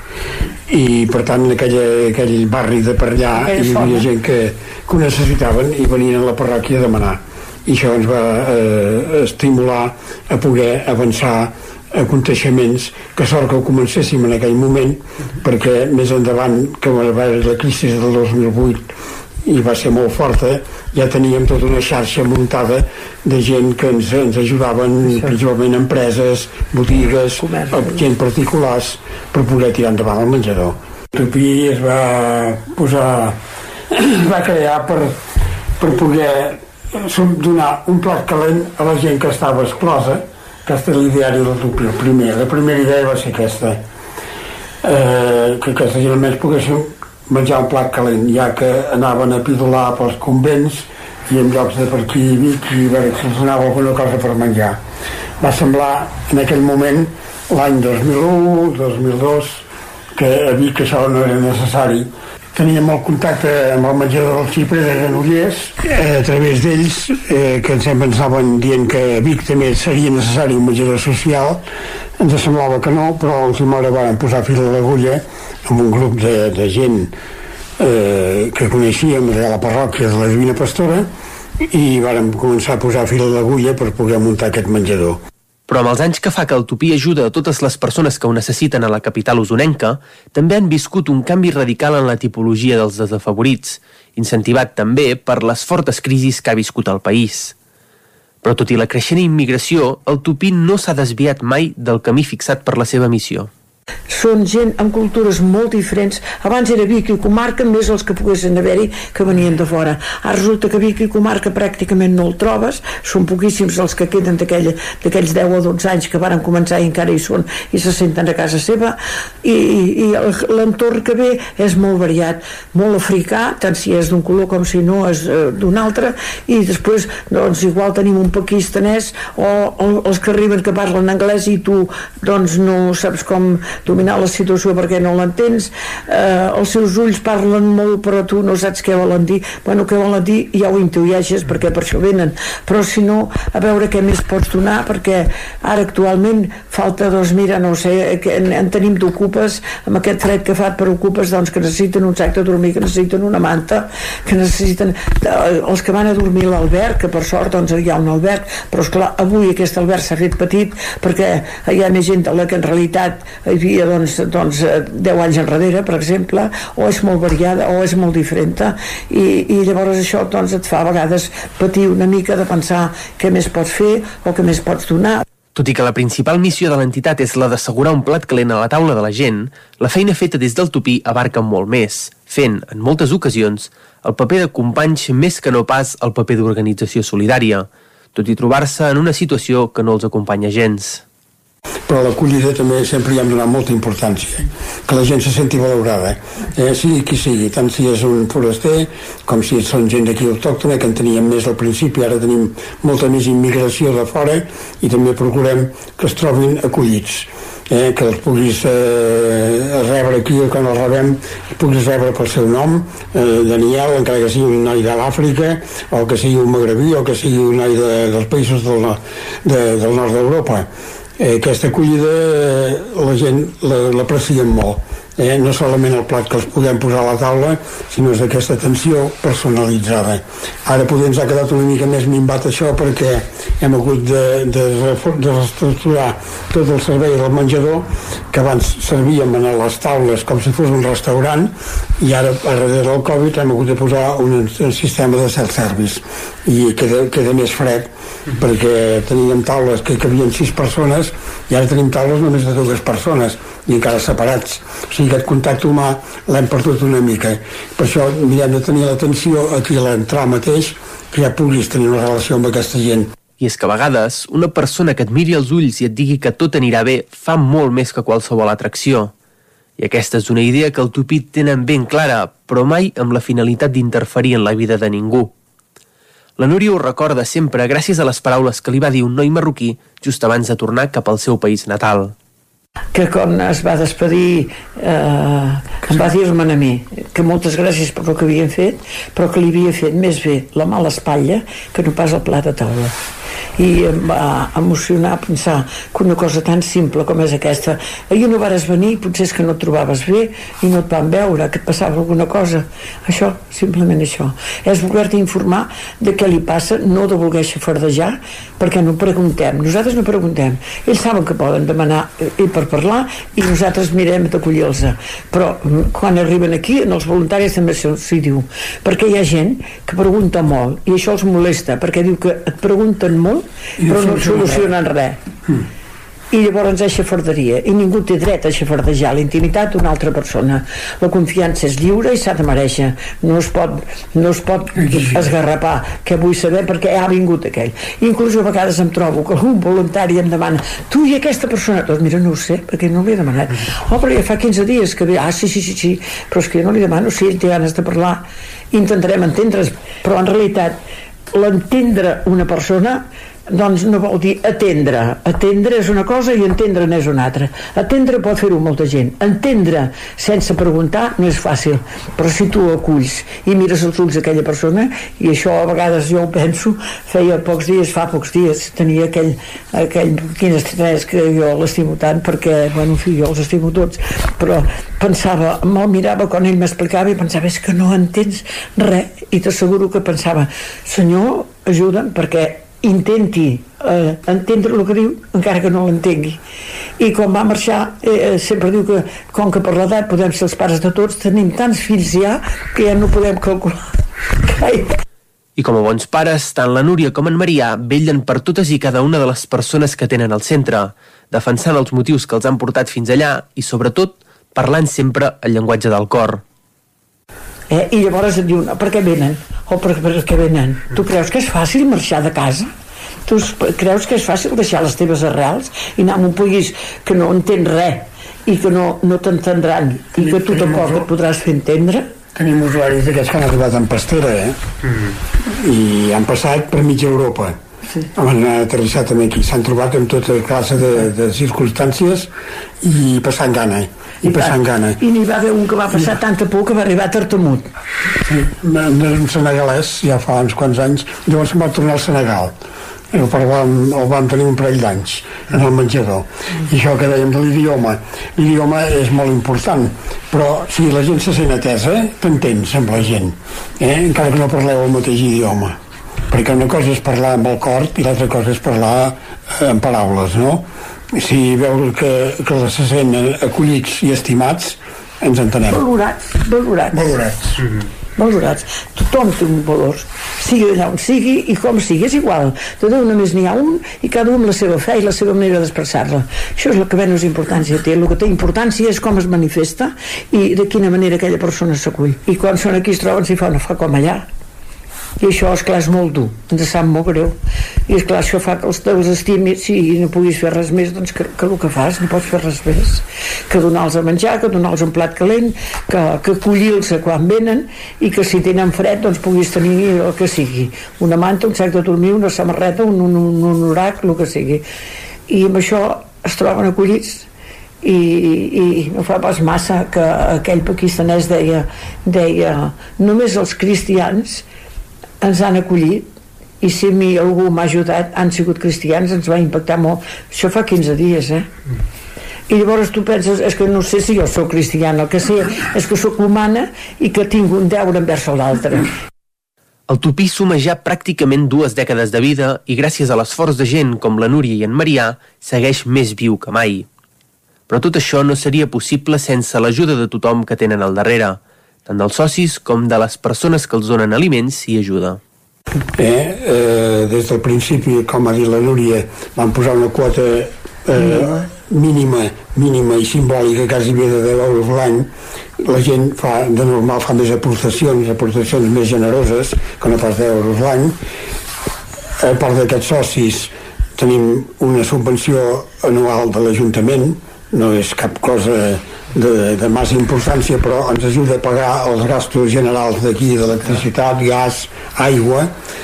L'espai físic d'aquí és de, de l'Ajuntament, el tenim cedit per 20 anys, i llavors eh, també tenim donacions voluntàries gent que deixen un sobre X eh, d'euros o el que sigui i així anem fent bullir l'olla cada dia i comprar les coses que hem de comprar hem de comprar un mínim de coses perquè tenim molta oferta de, de queviures que és la, la base principal del menjador. Tenir aliments tant és així que si tenim partides d'una certa importància que no les podem consumir nosaltres van a parar en altres centres. Nosaltres ens quedem el que necessitem però tampoc no, no, hem de quedar-nos el que no necessitem. Allò s'ha de donar, s'ha de buscar. Ens ho donen per donar. Per tant, un cop nosaltres hem canalitzat el nostre on es distribueix? I vàrem saber doncs que eh, a la parròquia de Santana i vam saber del pare Manel vam connectar amb aquesta gent i aquesta gent ja et pots imaginar no cal dir si vam veure el cel obert però, però eh, Eh? Doncs llavors, eh, clar, tot això ha de servir perquè avui, tal com està tota la situació està sobrant menjar perquè els que, els que havien de comprar-lo tenen els, els bars tancats els col·legis tampoc no. O sigui hi ha una sèrie de sectors que s'aprofitava i que era una cosa de convivència perquè és el menjar però resulta que això està tancat. Bueno, això continua sent i de moment. No sabem com acabarà perquè és clar poder acabarà que també eh, la situació està negra. Bueno, doncs canalitzar-ho fins a on es pugui i quan no es pugui ja veurem què passa i evidentment, tot i que el seu paper és de protagonistes en tota aquesta història, tampoc ho haurien pogut fer sense els voluntaris que formen l'entitat, que a la llarga seran els encarregats de que el Tupí pugui seguir donant aquest servei tan necessari en una ciutat com Vic. Això ha de tenir una continuïtat. Quan les coses funcionen i funcionen bé, no són perquè durin poc, sinó perquè durin. I si s'han de canviar un dia, doncs ja vindrà, no cal córrer. Ja hi haurà unes altres possibilitats, el món va variant i va canviant i va avançant, sempre va avançant, encara que no ho sembli, sempre va avançant. I, i amb el, el seu avançament nosaltres també avancem. Doncs llavors, després de nosaltres, duran venir uns altres, mentrestant, doncs, no hi són, anem fent, i, i no cal dir que ja ho preparem, això, eh? Que ja ho preparem fa dos anys. Tampoc és fàcil, però ja ho preparem. Tenim una junta, bueno, nosaltres no tenim res, el Tupí té una junta maquíssima, ahir precisament a la tarda vam tenir reunió i tots molt disposats sempre. I llavors això et dona molta moral perquè penses, no esteu sols, hi ha gent que també sent el mateix, aquesta il·lusió és compartida, quan podíem fer festes també en fèiem, aquest any no hem pogut fer res perquè també doncs, fèiem unes arrossades amb tota la colla de voluntaris, si som 35-40 i, i, bueno, i ara ara tot això també està estacionat. Però tot i que la Covid ja ha passat a formar part de les nostres vides per sempre, algun dia o altre aquesta situació s'acabarà. I quan això passi, les necessitats que cobreixen entitats com el Tupí estaran encara més accentuades per la crisi que vindrà al darrere. Però malgrat això, amb la voluntat de ferro de gent com la Núria i en Marià, de ben segur que mai faltarà un plat a taula i un bon consell per a aquelles persones a qui la societat ha deixat de banda.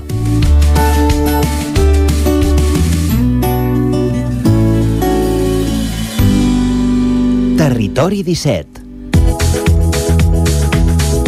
doncs els solidaris d'avui amb l'Eloi Puigferrer que n'ha anat a conèixer què fan el Tupí de Vic, una entitat eh, a la qual eh, bé, caldria posar-li medalles gairebé, eh, perquè la feina que fan és excepcional, Vicenç, i nosaltres ara estem a punt ja de fer una pausa I tornem de seguida. Sí, senyor. Farem una pausa per després anar a la R3 a descobrir Catalunya i sobretot a descobrir què és el que li està passant al Barça, que hi va ser incapaç de guanyar la Supercopa, un partit doncs, que s'havia posat per davant al marcador i a l'últim moment es va deixar perdre el partit. Parlarem del Barça, la tertúlia esportiva, que vindrà al final d'un territori 17, que ara se'n va a fer una pausa. Tornem de seguida. Fins ara.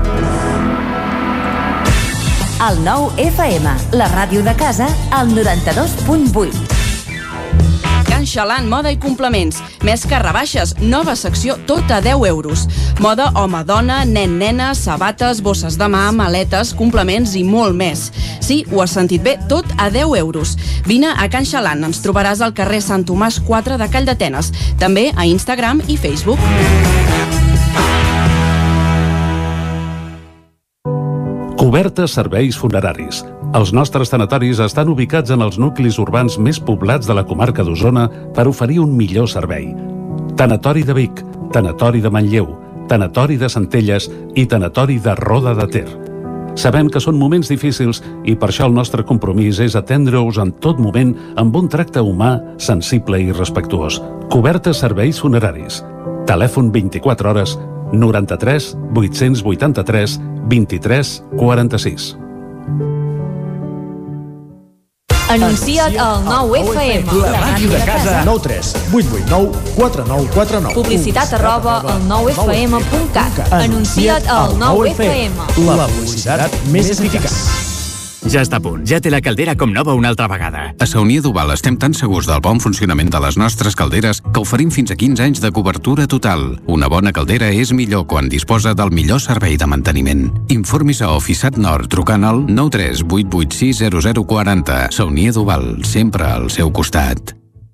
Hi ha una màgia que no té truc. És la màgia de compartir una estona amb algú i parlar-hi. Vols practicar el català o ajudar algú a parlar-lo? Apunta't al Voluntariat per la Llengua, al programa de les parelles lingüístiques a vxl.cat. Perquè quan parles, fas màgia. Generalitat de Catalunya. 100 Cocodril Club. Si t'agrada la bona música dels anys 60, 70 i 80, escolta el 9 FM als matins de dissabtes i diumenges d'11 a 1. És el temps del Cocodril Club, tot un clàssic de la ràdio, amb les bases del pop-rock, les llegendes, les cançons que s'han convertit en autèntics himnes. Recorda, dissabtes i diumenges al matí, d'11 a 1, al 9 FM 92.8. Cocodril Club, el programa revival de l'Albert Malla. Hasta luego. C Cosmètics, el vostre distribuïdor de perruqueria i cosmètica bio de la comarca, us agraeix la confiança de tots aquests anys i us convida a visitar la nova botiga online www.ccosmetics.net us obsequiem amb un 10% de descompte en la vostra primera compra. També podeu recollir les vostres comandes al carrer Nord, número 2, Baixos de Vic. I ara, nou servei d'articles anticovid, dirigit a empreses. Us hi esperem. El 9 FM.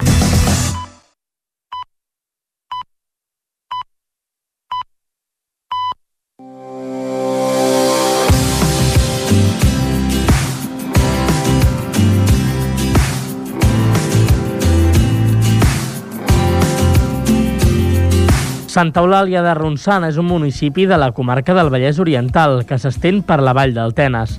La part sud del municipi més propera al riu és planera i de poca altitud. En canvi, la part nord-oest mostra una orografia més variada i es va enfilant fins a arribar als 350 metres d'altitud. Fruit de la pressió demogràfica dels anys 60 i 70 del segle passat, van proliferar les urbanitzacions, ara barris del municipi. Els dos barris més poblats, la Sagrera i sobretot el Rieral, representen la doble centralitat del municipi, que el gener de l'any 2019 tenia uns 7.288 habitants.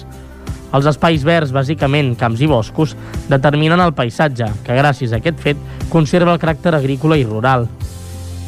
Si parlem de llocs per visitar, us proposem dues de les capelles, a banda de l'església parroquial. Segons la documentació, l'origen de la capella de Sant Cristòfol seria una església romànica a la que successives reformes i els terratrèmols del segle XV van anar canviant. Segurament, però, l'obra que més va transformar la capella va ser la realitzada el 1966, ja que es va construir sota el prisma estètic d'altres edificacions romàniques, perdent així la seva peculiar personalitat. A la façana principal hi ha un òcul al centre de l'absis, una finestra d'arc de mig punt de doble esqueixada, igual que la de la façana lateral sud. La capella de Sant Simplici és una capella d'origen romànic, modificada en el segle XVI, tal com consta a la llinda de la porta. És d'una sola nau de planta rectangular i absis de semicercle. Està coberta a dues vessants de teula àrab. Els murs són de paredat de correbons a la part inferior, còdols i maons a la resta de l'edifici i en pedres cantoneres. A l'angle del mur sud-oest s'hi va afegir un contrafort, segurament per reforçar el mur en el moment en què es va construir la masia del costat nord. També us proposem visitar la Font del Rector, que està situada al barri de la Sagrera, darrere de l'església parroquial de Santa Eulàlia. Aquesta font era molt popular entre la gent de Santa Eulàlia de Ronçana i Rodalies, on hi anaven a recollir aigua, donat que era d'excel·lent qualitat. Com us hem dit, és una població de la vall del Tenes, així que podeu passejar pel camí fluvial del riu Tenes. És un dels elements patrimonials més importants del municipi de Santa Eulàlia de Ronçana, tant pel seu valor ecològic i paisatgístic com perquè és un element bàsic d'identitat. Té un recorregut de 4.800 metres lineals, es troba a una altitud entre els 140 i els 187 metres sobre el nivell del mar i té una pendent total d'un 1%. Tot aquest tram de riu s'ha vist molt afavorit després de la realització del pla de millora de l'espai fluvial del riu Tenes a Santa Eulàlia de Ronçana.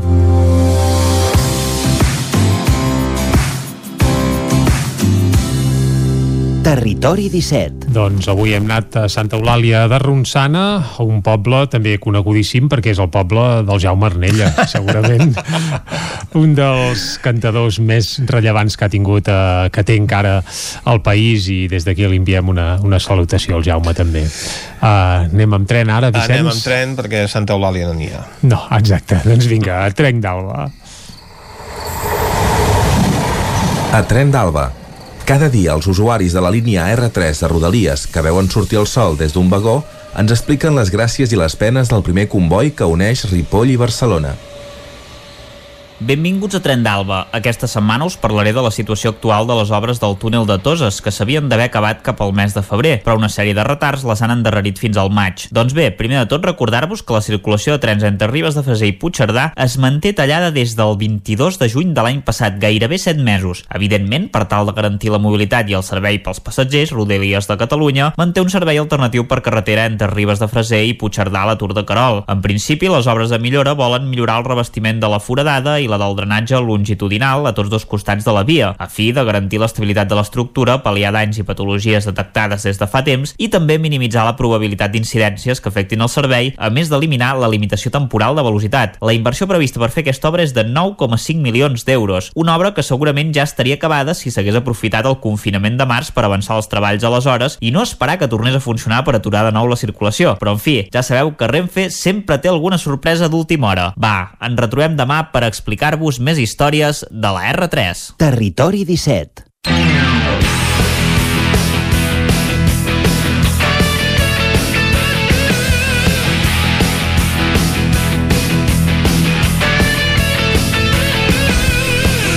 Doncs la R3, que és un festival cada dia, i més quan estan d'obres com el Túnel de Toses, però on també hi ha un festival diari, sí, sí. és a Can Barça, per exemple. Eh? Uh, bé, hi ha tants d'altres... No, no, no només a Can Barça, no, perquè no, a part no. de perdre el Barça també va perdre l'Espanyol i el Madrid doncs ja no va ni arribar Clar, a la és que final. recordem que per perdre una final primer s'hi ha d'arribar. Això és un tema important també. Exacte. Eh? Tot plegat ho, ho discutirem, Vicenç, a la tertúlia esportiva d'avui, que compta amb els tertulians habituals. Eh? Sí senyor, amb en Lluís de Planell, en Guillem Freixa i l'Isaac Muntades. Bon dia a tots tres. Bon dia. Bon dia, Per bon dir dia. alguna cosa. No crec que estigueu gaire contents. Us acompanya el sentiment de tant culers com els renys, sí. com les listes. No, home, jo crec que és Jo un també, cap... eh, Lluís. Bé, hi ha, hi ha equips que ja és segur que l'any que ve no juguen la Supercopa. Mm, El Madrid o el Barça ara mateix no se sap, però n'hi ha algun que ja és segur que no la juga. En, I el Madrid o el Barça ja parlarem. Sí, home, el Madrid sí, que almenys serà dels dos primers de la Lliga. Això prou. De totes maneres, avui he vist el, el, el rànquing de competicions, el Barça 13 Supercopes, el Madrid 11 Supercopes, i el tercer és el Depor, que aquest sí que tardarà dies a, a tornar a jugar a la Supercopa. Sí, aquest sí.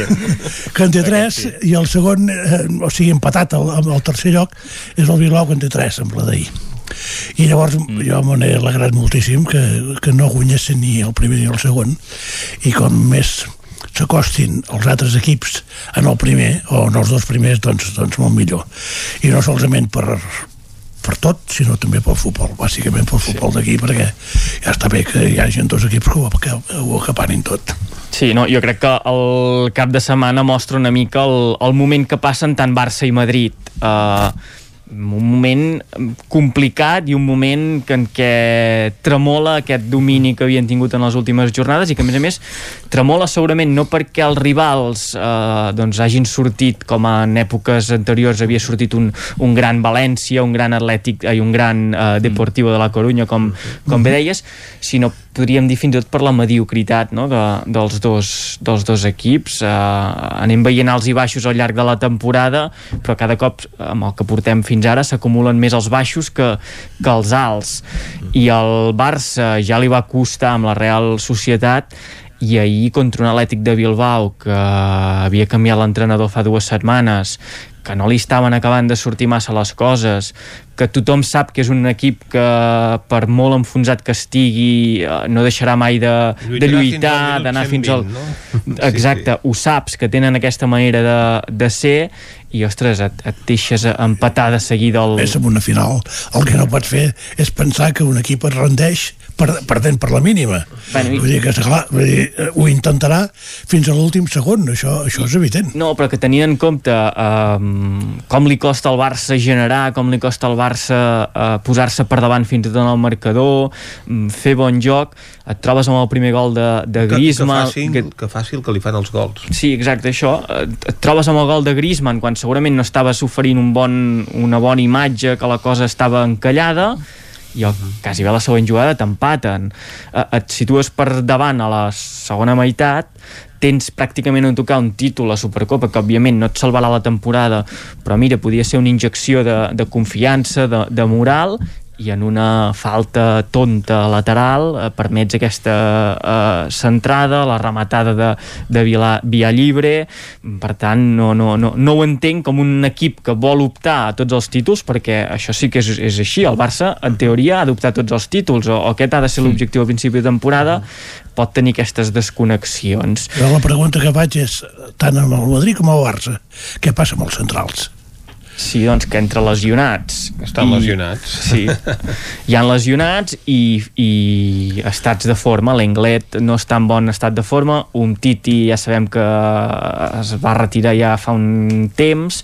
I jo crec que el Barça encara ha tingut sort d'aquest l'Araujo, que mm, dins la uh, seva joventut i això tres gols uh, sí. un, un anul·lat sí, però tres gols però, a pilota pelada eh? sí, sí, això sí, però vull dir que encara està aguantant una mica la, la defensa i que hi ha una esperança de que es faci prou bé hi ha en Mingueza que està jugant de lateral no? el desplaça més al, al lateral perquè tornem a anar una mica al problema de tot plegat a, a nivell de club les coses jo crec que fa temps que no s'estan fent bé vull dir, el Barça no pot arribar eh, en una final, no pot competir una temporada doncs eh, sense tenir les posicions doblades amb una mica de garantia. Un equip amb el seu pressupost, això que li passi, amb tots els respectes, eh, a l'Espanyol, que li passi amb un equip de mitja taula, val però que li passi al Barça que no té les posicions doblades i això que dic, amb una mica de garanties amb el planter que tens també eh? o, o, o el Madrid o el Madrid, eh, exacte mm.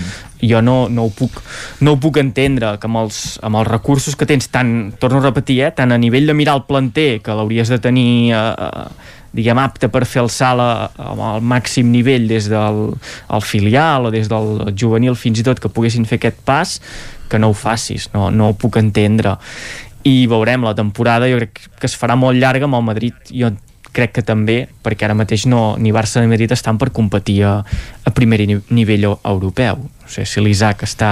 Suposo que furgarà amb, el, amb la derrota del Barça. L'Isaac anava rient. Però sí, clar, uh, t'elimina un Bilbao amb un, que es posa amb un 2 a 0 uh, amb, també amb relativa uh, facilitat. Mm, no sé, bueno, no és per estar gaire content ens va eliminar el, com, ens va eliminar el campió, que això és important, però, però, però jo... Però jo futbolista, eh?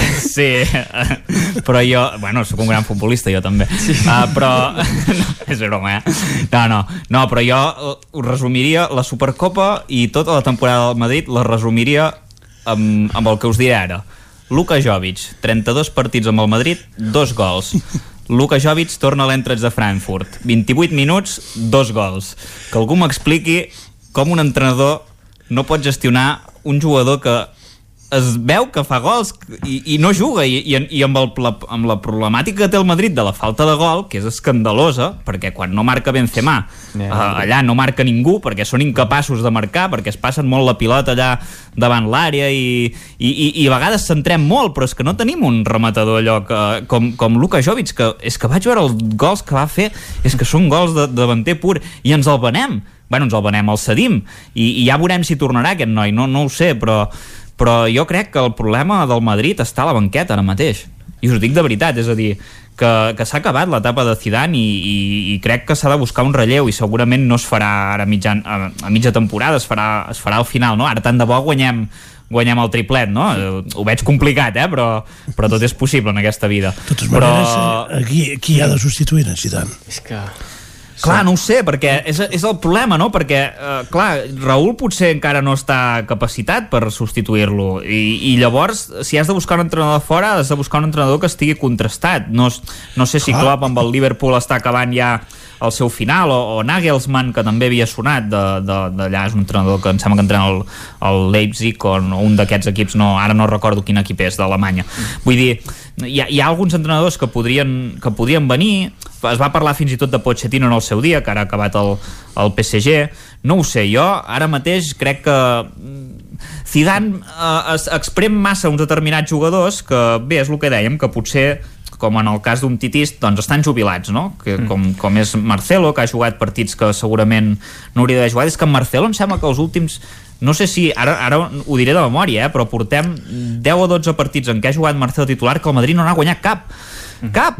O sigui, algú em dirà, bueno, poder és mala sort, i... però ostres, 12 partits al Madrid on ha jugat Marcelo no n'ha guanyat cap contra equips com l'Elche o el Cádiz Algú m'ho pot explicar això? Perquè jo, realment, a mi em costa d'entendre que el Madrid aquest any anava a dir amb els equips forts havia donat la cara i més o menys havia guanyat. I amb els de baix no.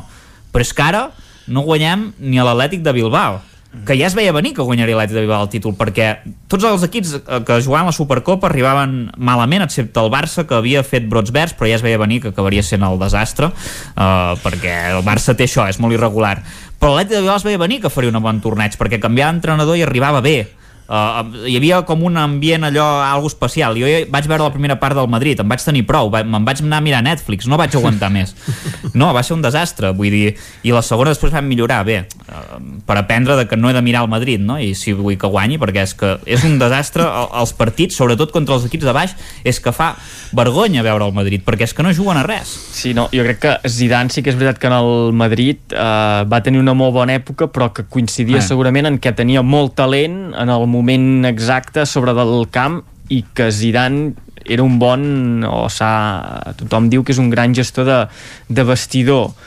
Ara potser vol continuar fent aquesta bona gestió de vestidor però el talent no hi és i aquí és on ha d'entrar potser el perfil més tècnic de, de l'entrenador de, de fer determinades coses i aquí potser és on, on s'encalla. Mm. ahir havia de jugar Messi. Ahir sempre ha de jugar Messi sempre. Voleu dir que estava en condicions de jugar? Ah, clar, això no sé, però va, ho sabran va ser la metàfora, eh? Algú ja va, va decidir que no calia que jugués. Què vols dir?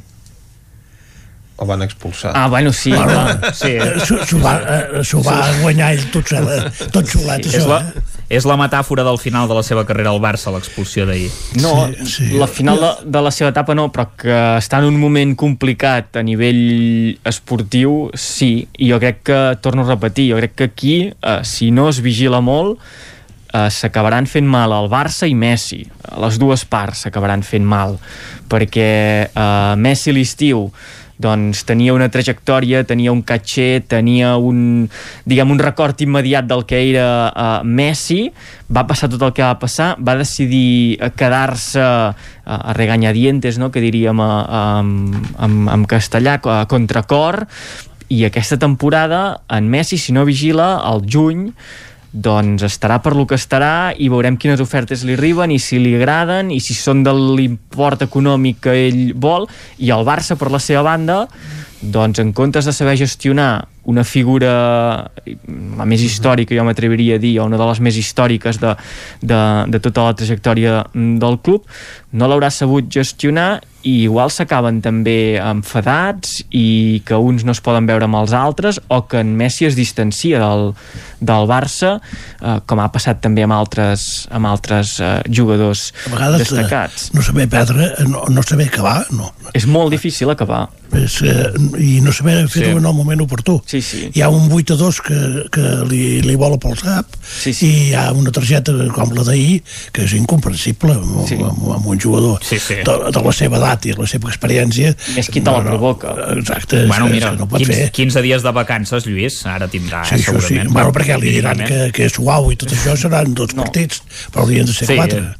Sí, sí, no, Sí, no, sí. és, és, uh, jo crec que és la imatge de la impotència i de que no et surten les coses i fins i tot de que no estàs a gust en, en aquest entorn, perquè fins i tot durant el partit se'l veia que no les connexions amb els seus companys jo em vaig fixar una estona quan va sortir Riqui Puig uh -huh. que Riqui Puig crec que és el jugador que ha jugat menys amb el Barça però que té més uh, uh, a favor i en contra de, de la història del club pràcticament perquè quasi bé s'està convertint en, no sé, en una religió El estar-hi a favor o en contra No, amb el que vaig veure ahir el voldria ja en, en vestit de blanc i blau. Clar, Però ja, veies un nano que uh, pot ser el que vulguis, pot haver fet el que vulguis a fora del camp, perquè potser també per la seva joventut no ha sapigut gestionar els periodistes que se li han acostat, que aquí també crec que hauríem d'assumir la nostra part de culpa de, de, la nostra feina és buscar fonts el més fiable possible i que potser han anat a picar a la porta d'aquest nano i aquest nano no ho ha acabat de saber gestionar per la seva banda de, de dir o no informacions.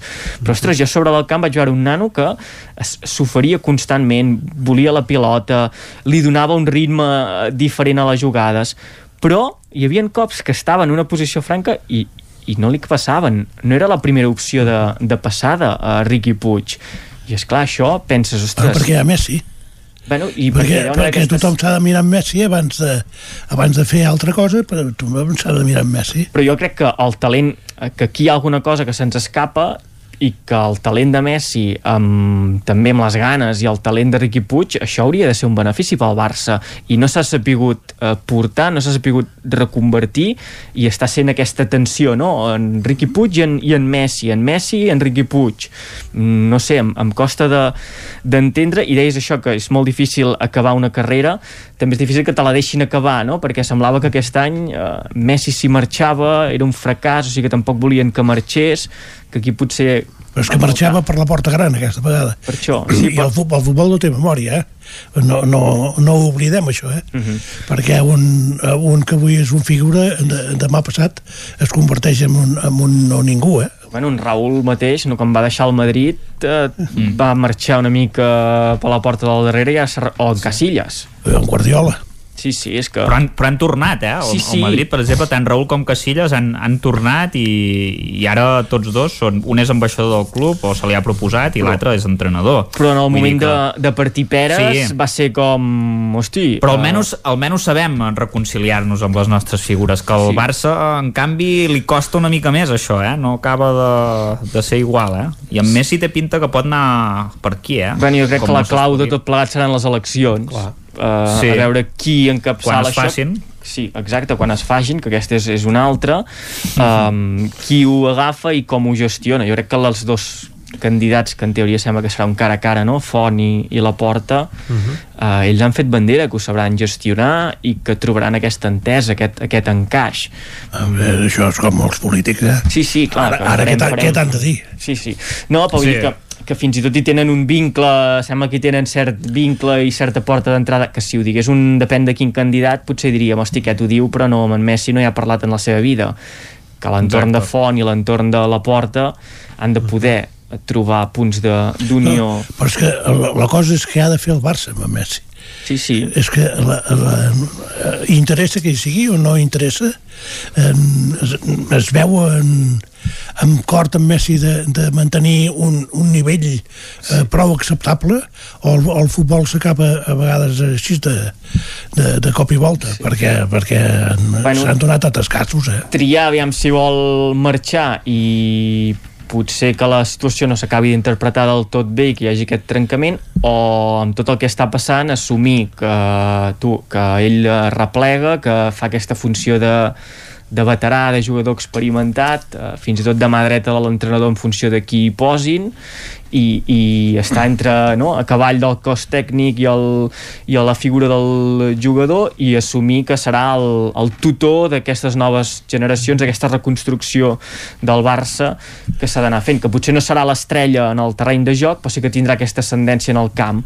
No sé si serà capaç de... algú li farà veure que pot ser un camí que, que li pot anar bé tant ell com el, el club o no que s'estima més tu, jo aquí punt i final i me'n vaig un temps a això que dèiem l'altre dia, no?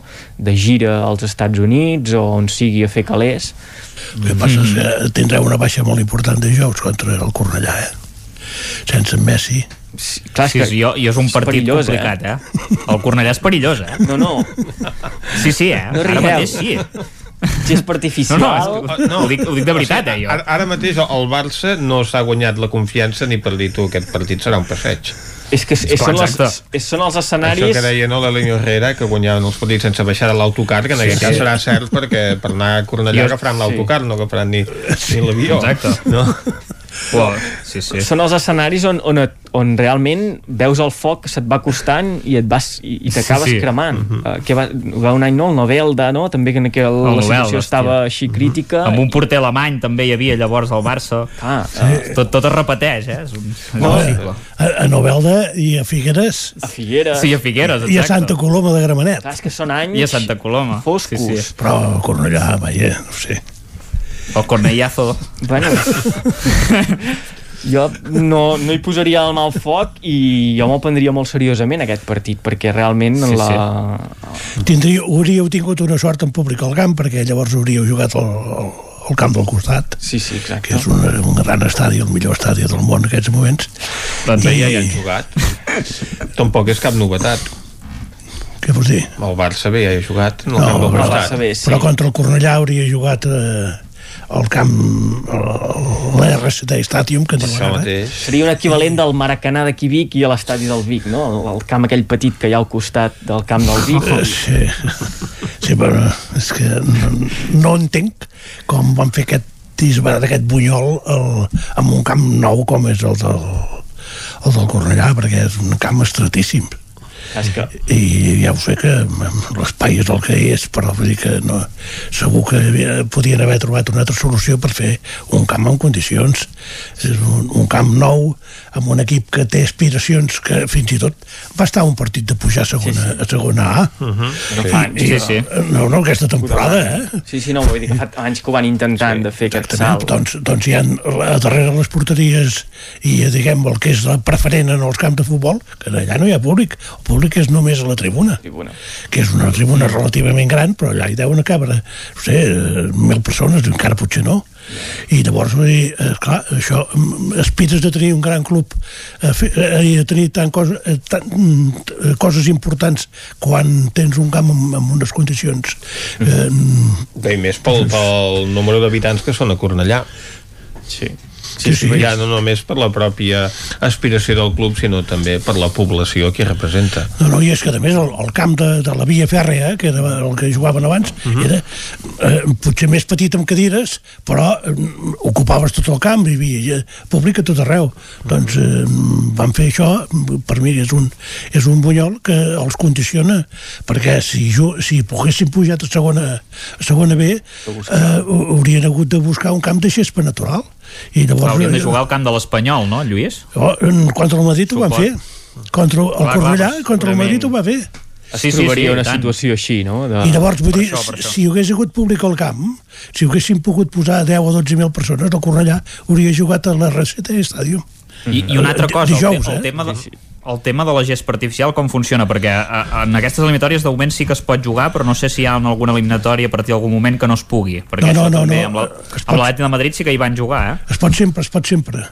Es pot sempre, eh? Sí, vale, sí. vale. És que hi havia, abans, abans per això, corregiu-me, però em sembla que no es podia, eh? Que, Que no que sé, hi havia com també han algunes- anat canviant no, les sí. uh, característiques d'aquestes El, gespes. el que passa és que la confusió, la confusió ve, amb, amb, per exemple, el, quan el Cornellà juga contra el Madrid, Mhm. a casa, que, que, que juga al camp de l'Espanyol, però ho fa Sí, simplement sí. perquè hi ha públic. I, Per tenir i, més públic, Exactament, sí, sí. i perquè hi Més pot haver més. Perquè eh, allò que dèiem, el, el públic eh, que, que cap en el seu camp, doncs Clar. no els hi compensa econòmicament, i llavors és Si, més si, no hi pràctic. hagués hagut cor si no hi hagués hagut coronavirus, Lluís, entenc que haguessin jugat els dos partits, tant el de l'Atlètic de Madrid com el del Barça al, al camp de l'Espanyol, eh? O- Exactament, i, i jo, dir, jo diria que contra l'Atlètic de Madrid el camp de l'Espanyol no eh, passa al Cornellà. Mm. Sí, és que clar. Que, que, aquesta és l'altra cosa també. Sí, sí, sí, esclar, si les condicions eh, pròpies on t'afavoreixen sí, sí. i l'economia no condiciona doncs tu jugues amb el teu camp. Però esclar, si llavors dius home, eh, tu eh, amb aquí pot, puc fer una bona entrada que és eh, en definitiva el que aspiren els equips de segona B per rebre un primera doncs és, és això, fer, fer els calés per compensar bàsicament una temporada Mhm. Sí, sí, Sí, no. sí. I a nivell esportiu jo crec que el Barça és això que ha de vigilar perquè són partits que amb el Barça segur que li faran certa mandra eh, anar a jugar un dijous al vespre amb un camp estret, amb gespa artificial contra jugadors que segurament la majoria de la plantilla no deuen conèixer qui, qui els marcarà eh, a dia d'avui Sí, no, aquests nanos es coneixen perquè tots han estat al futbol base o del Barça o de l'Espanyol, eh? Una altra cosa és que hagin triomfat. Arribat, sí, sí. Però eh, la Vull dir que la motivació- No, no, tots no ho sé, però la majoria Però vull dir que en, han estat... Eh, la motivació d'en Griezmann o de, de, del que pugui jugar eh, diguem estranger del Barça que pugui jugar a l'estrella en Dembélé al camp del Cornellà se li farà petit segurament Segur, segur, en Dembélé segur, perquè el triplet mateix... Pot, per anar corrent. I... Pot eh, acabar a l'aeroport del Prat sense adonar-se'n. I llavors també volia comentar, esclar, la final ahir eh, l'acabes amb davanter centre, el que dèiem sempre, eh, amb Braithwaite, que molt, molt a portar no, no t'aporta. Depèn del dia. Sí, però no, no seria un davanter centre pel Barça. Molt bé, doncs ho deixem aquí, tanquem aquí la tertúlia esportiva d'aquest 18 de gener, que és el dia que Pep Guardiola compleix 50 anys. Ep. Felicitats. Exacte. Segur que ens escolta. Eh, Segur que sí. És major que jo. Això són paraules majors. Ho deixem aquí. Gràcies, Lluís de Planell, gràcies, Guillem Freixa i gràcies, Isaac Muntades. Doncs ens acomiadem. Nosaltres posem punt i final al territori 17 d'aquest dilluns i tornarem demà a partir de les 9 del matí. I a més a més hi serem fins a les 12 del migdia. Fins llavors, salut i que vagi molt bé. Adeu. Ciao. Territori 17, un magazín del nou FM. La veu de Sant Joan, Ona Codinenca i Ràdio Cardedeu amb el suport de la xarxa. El nou FM.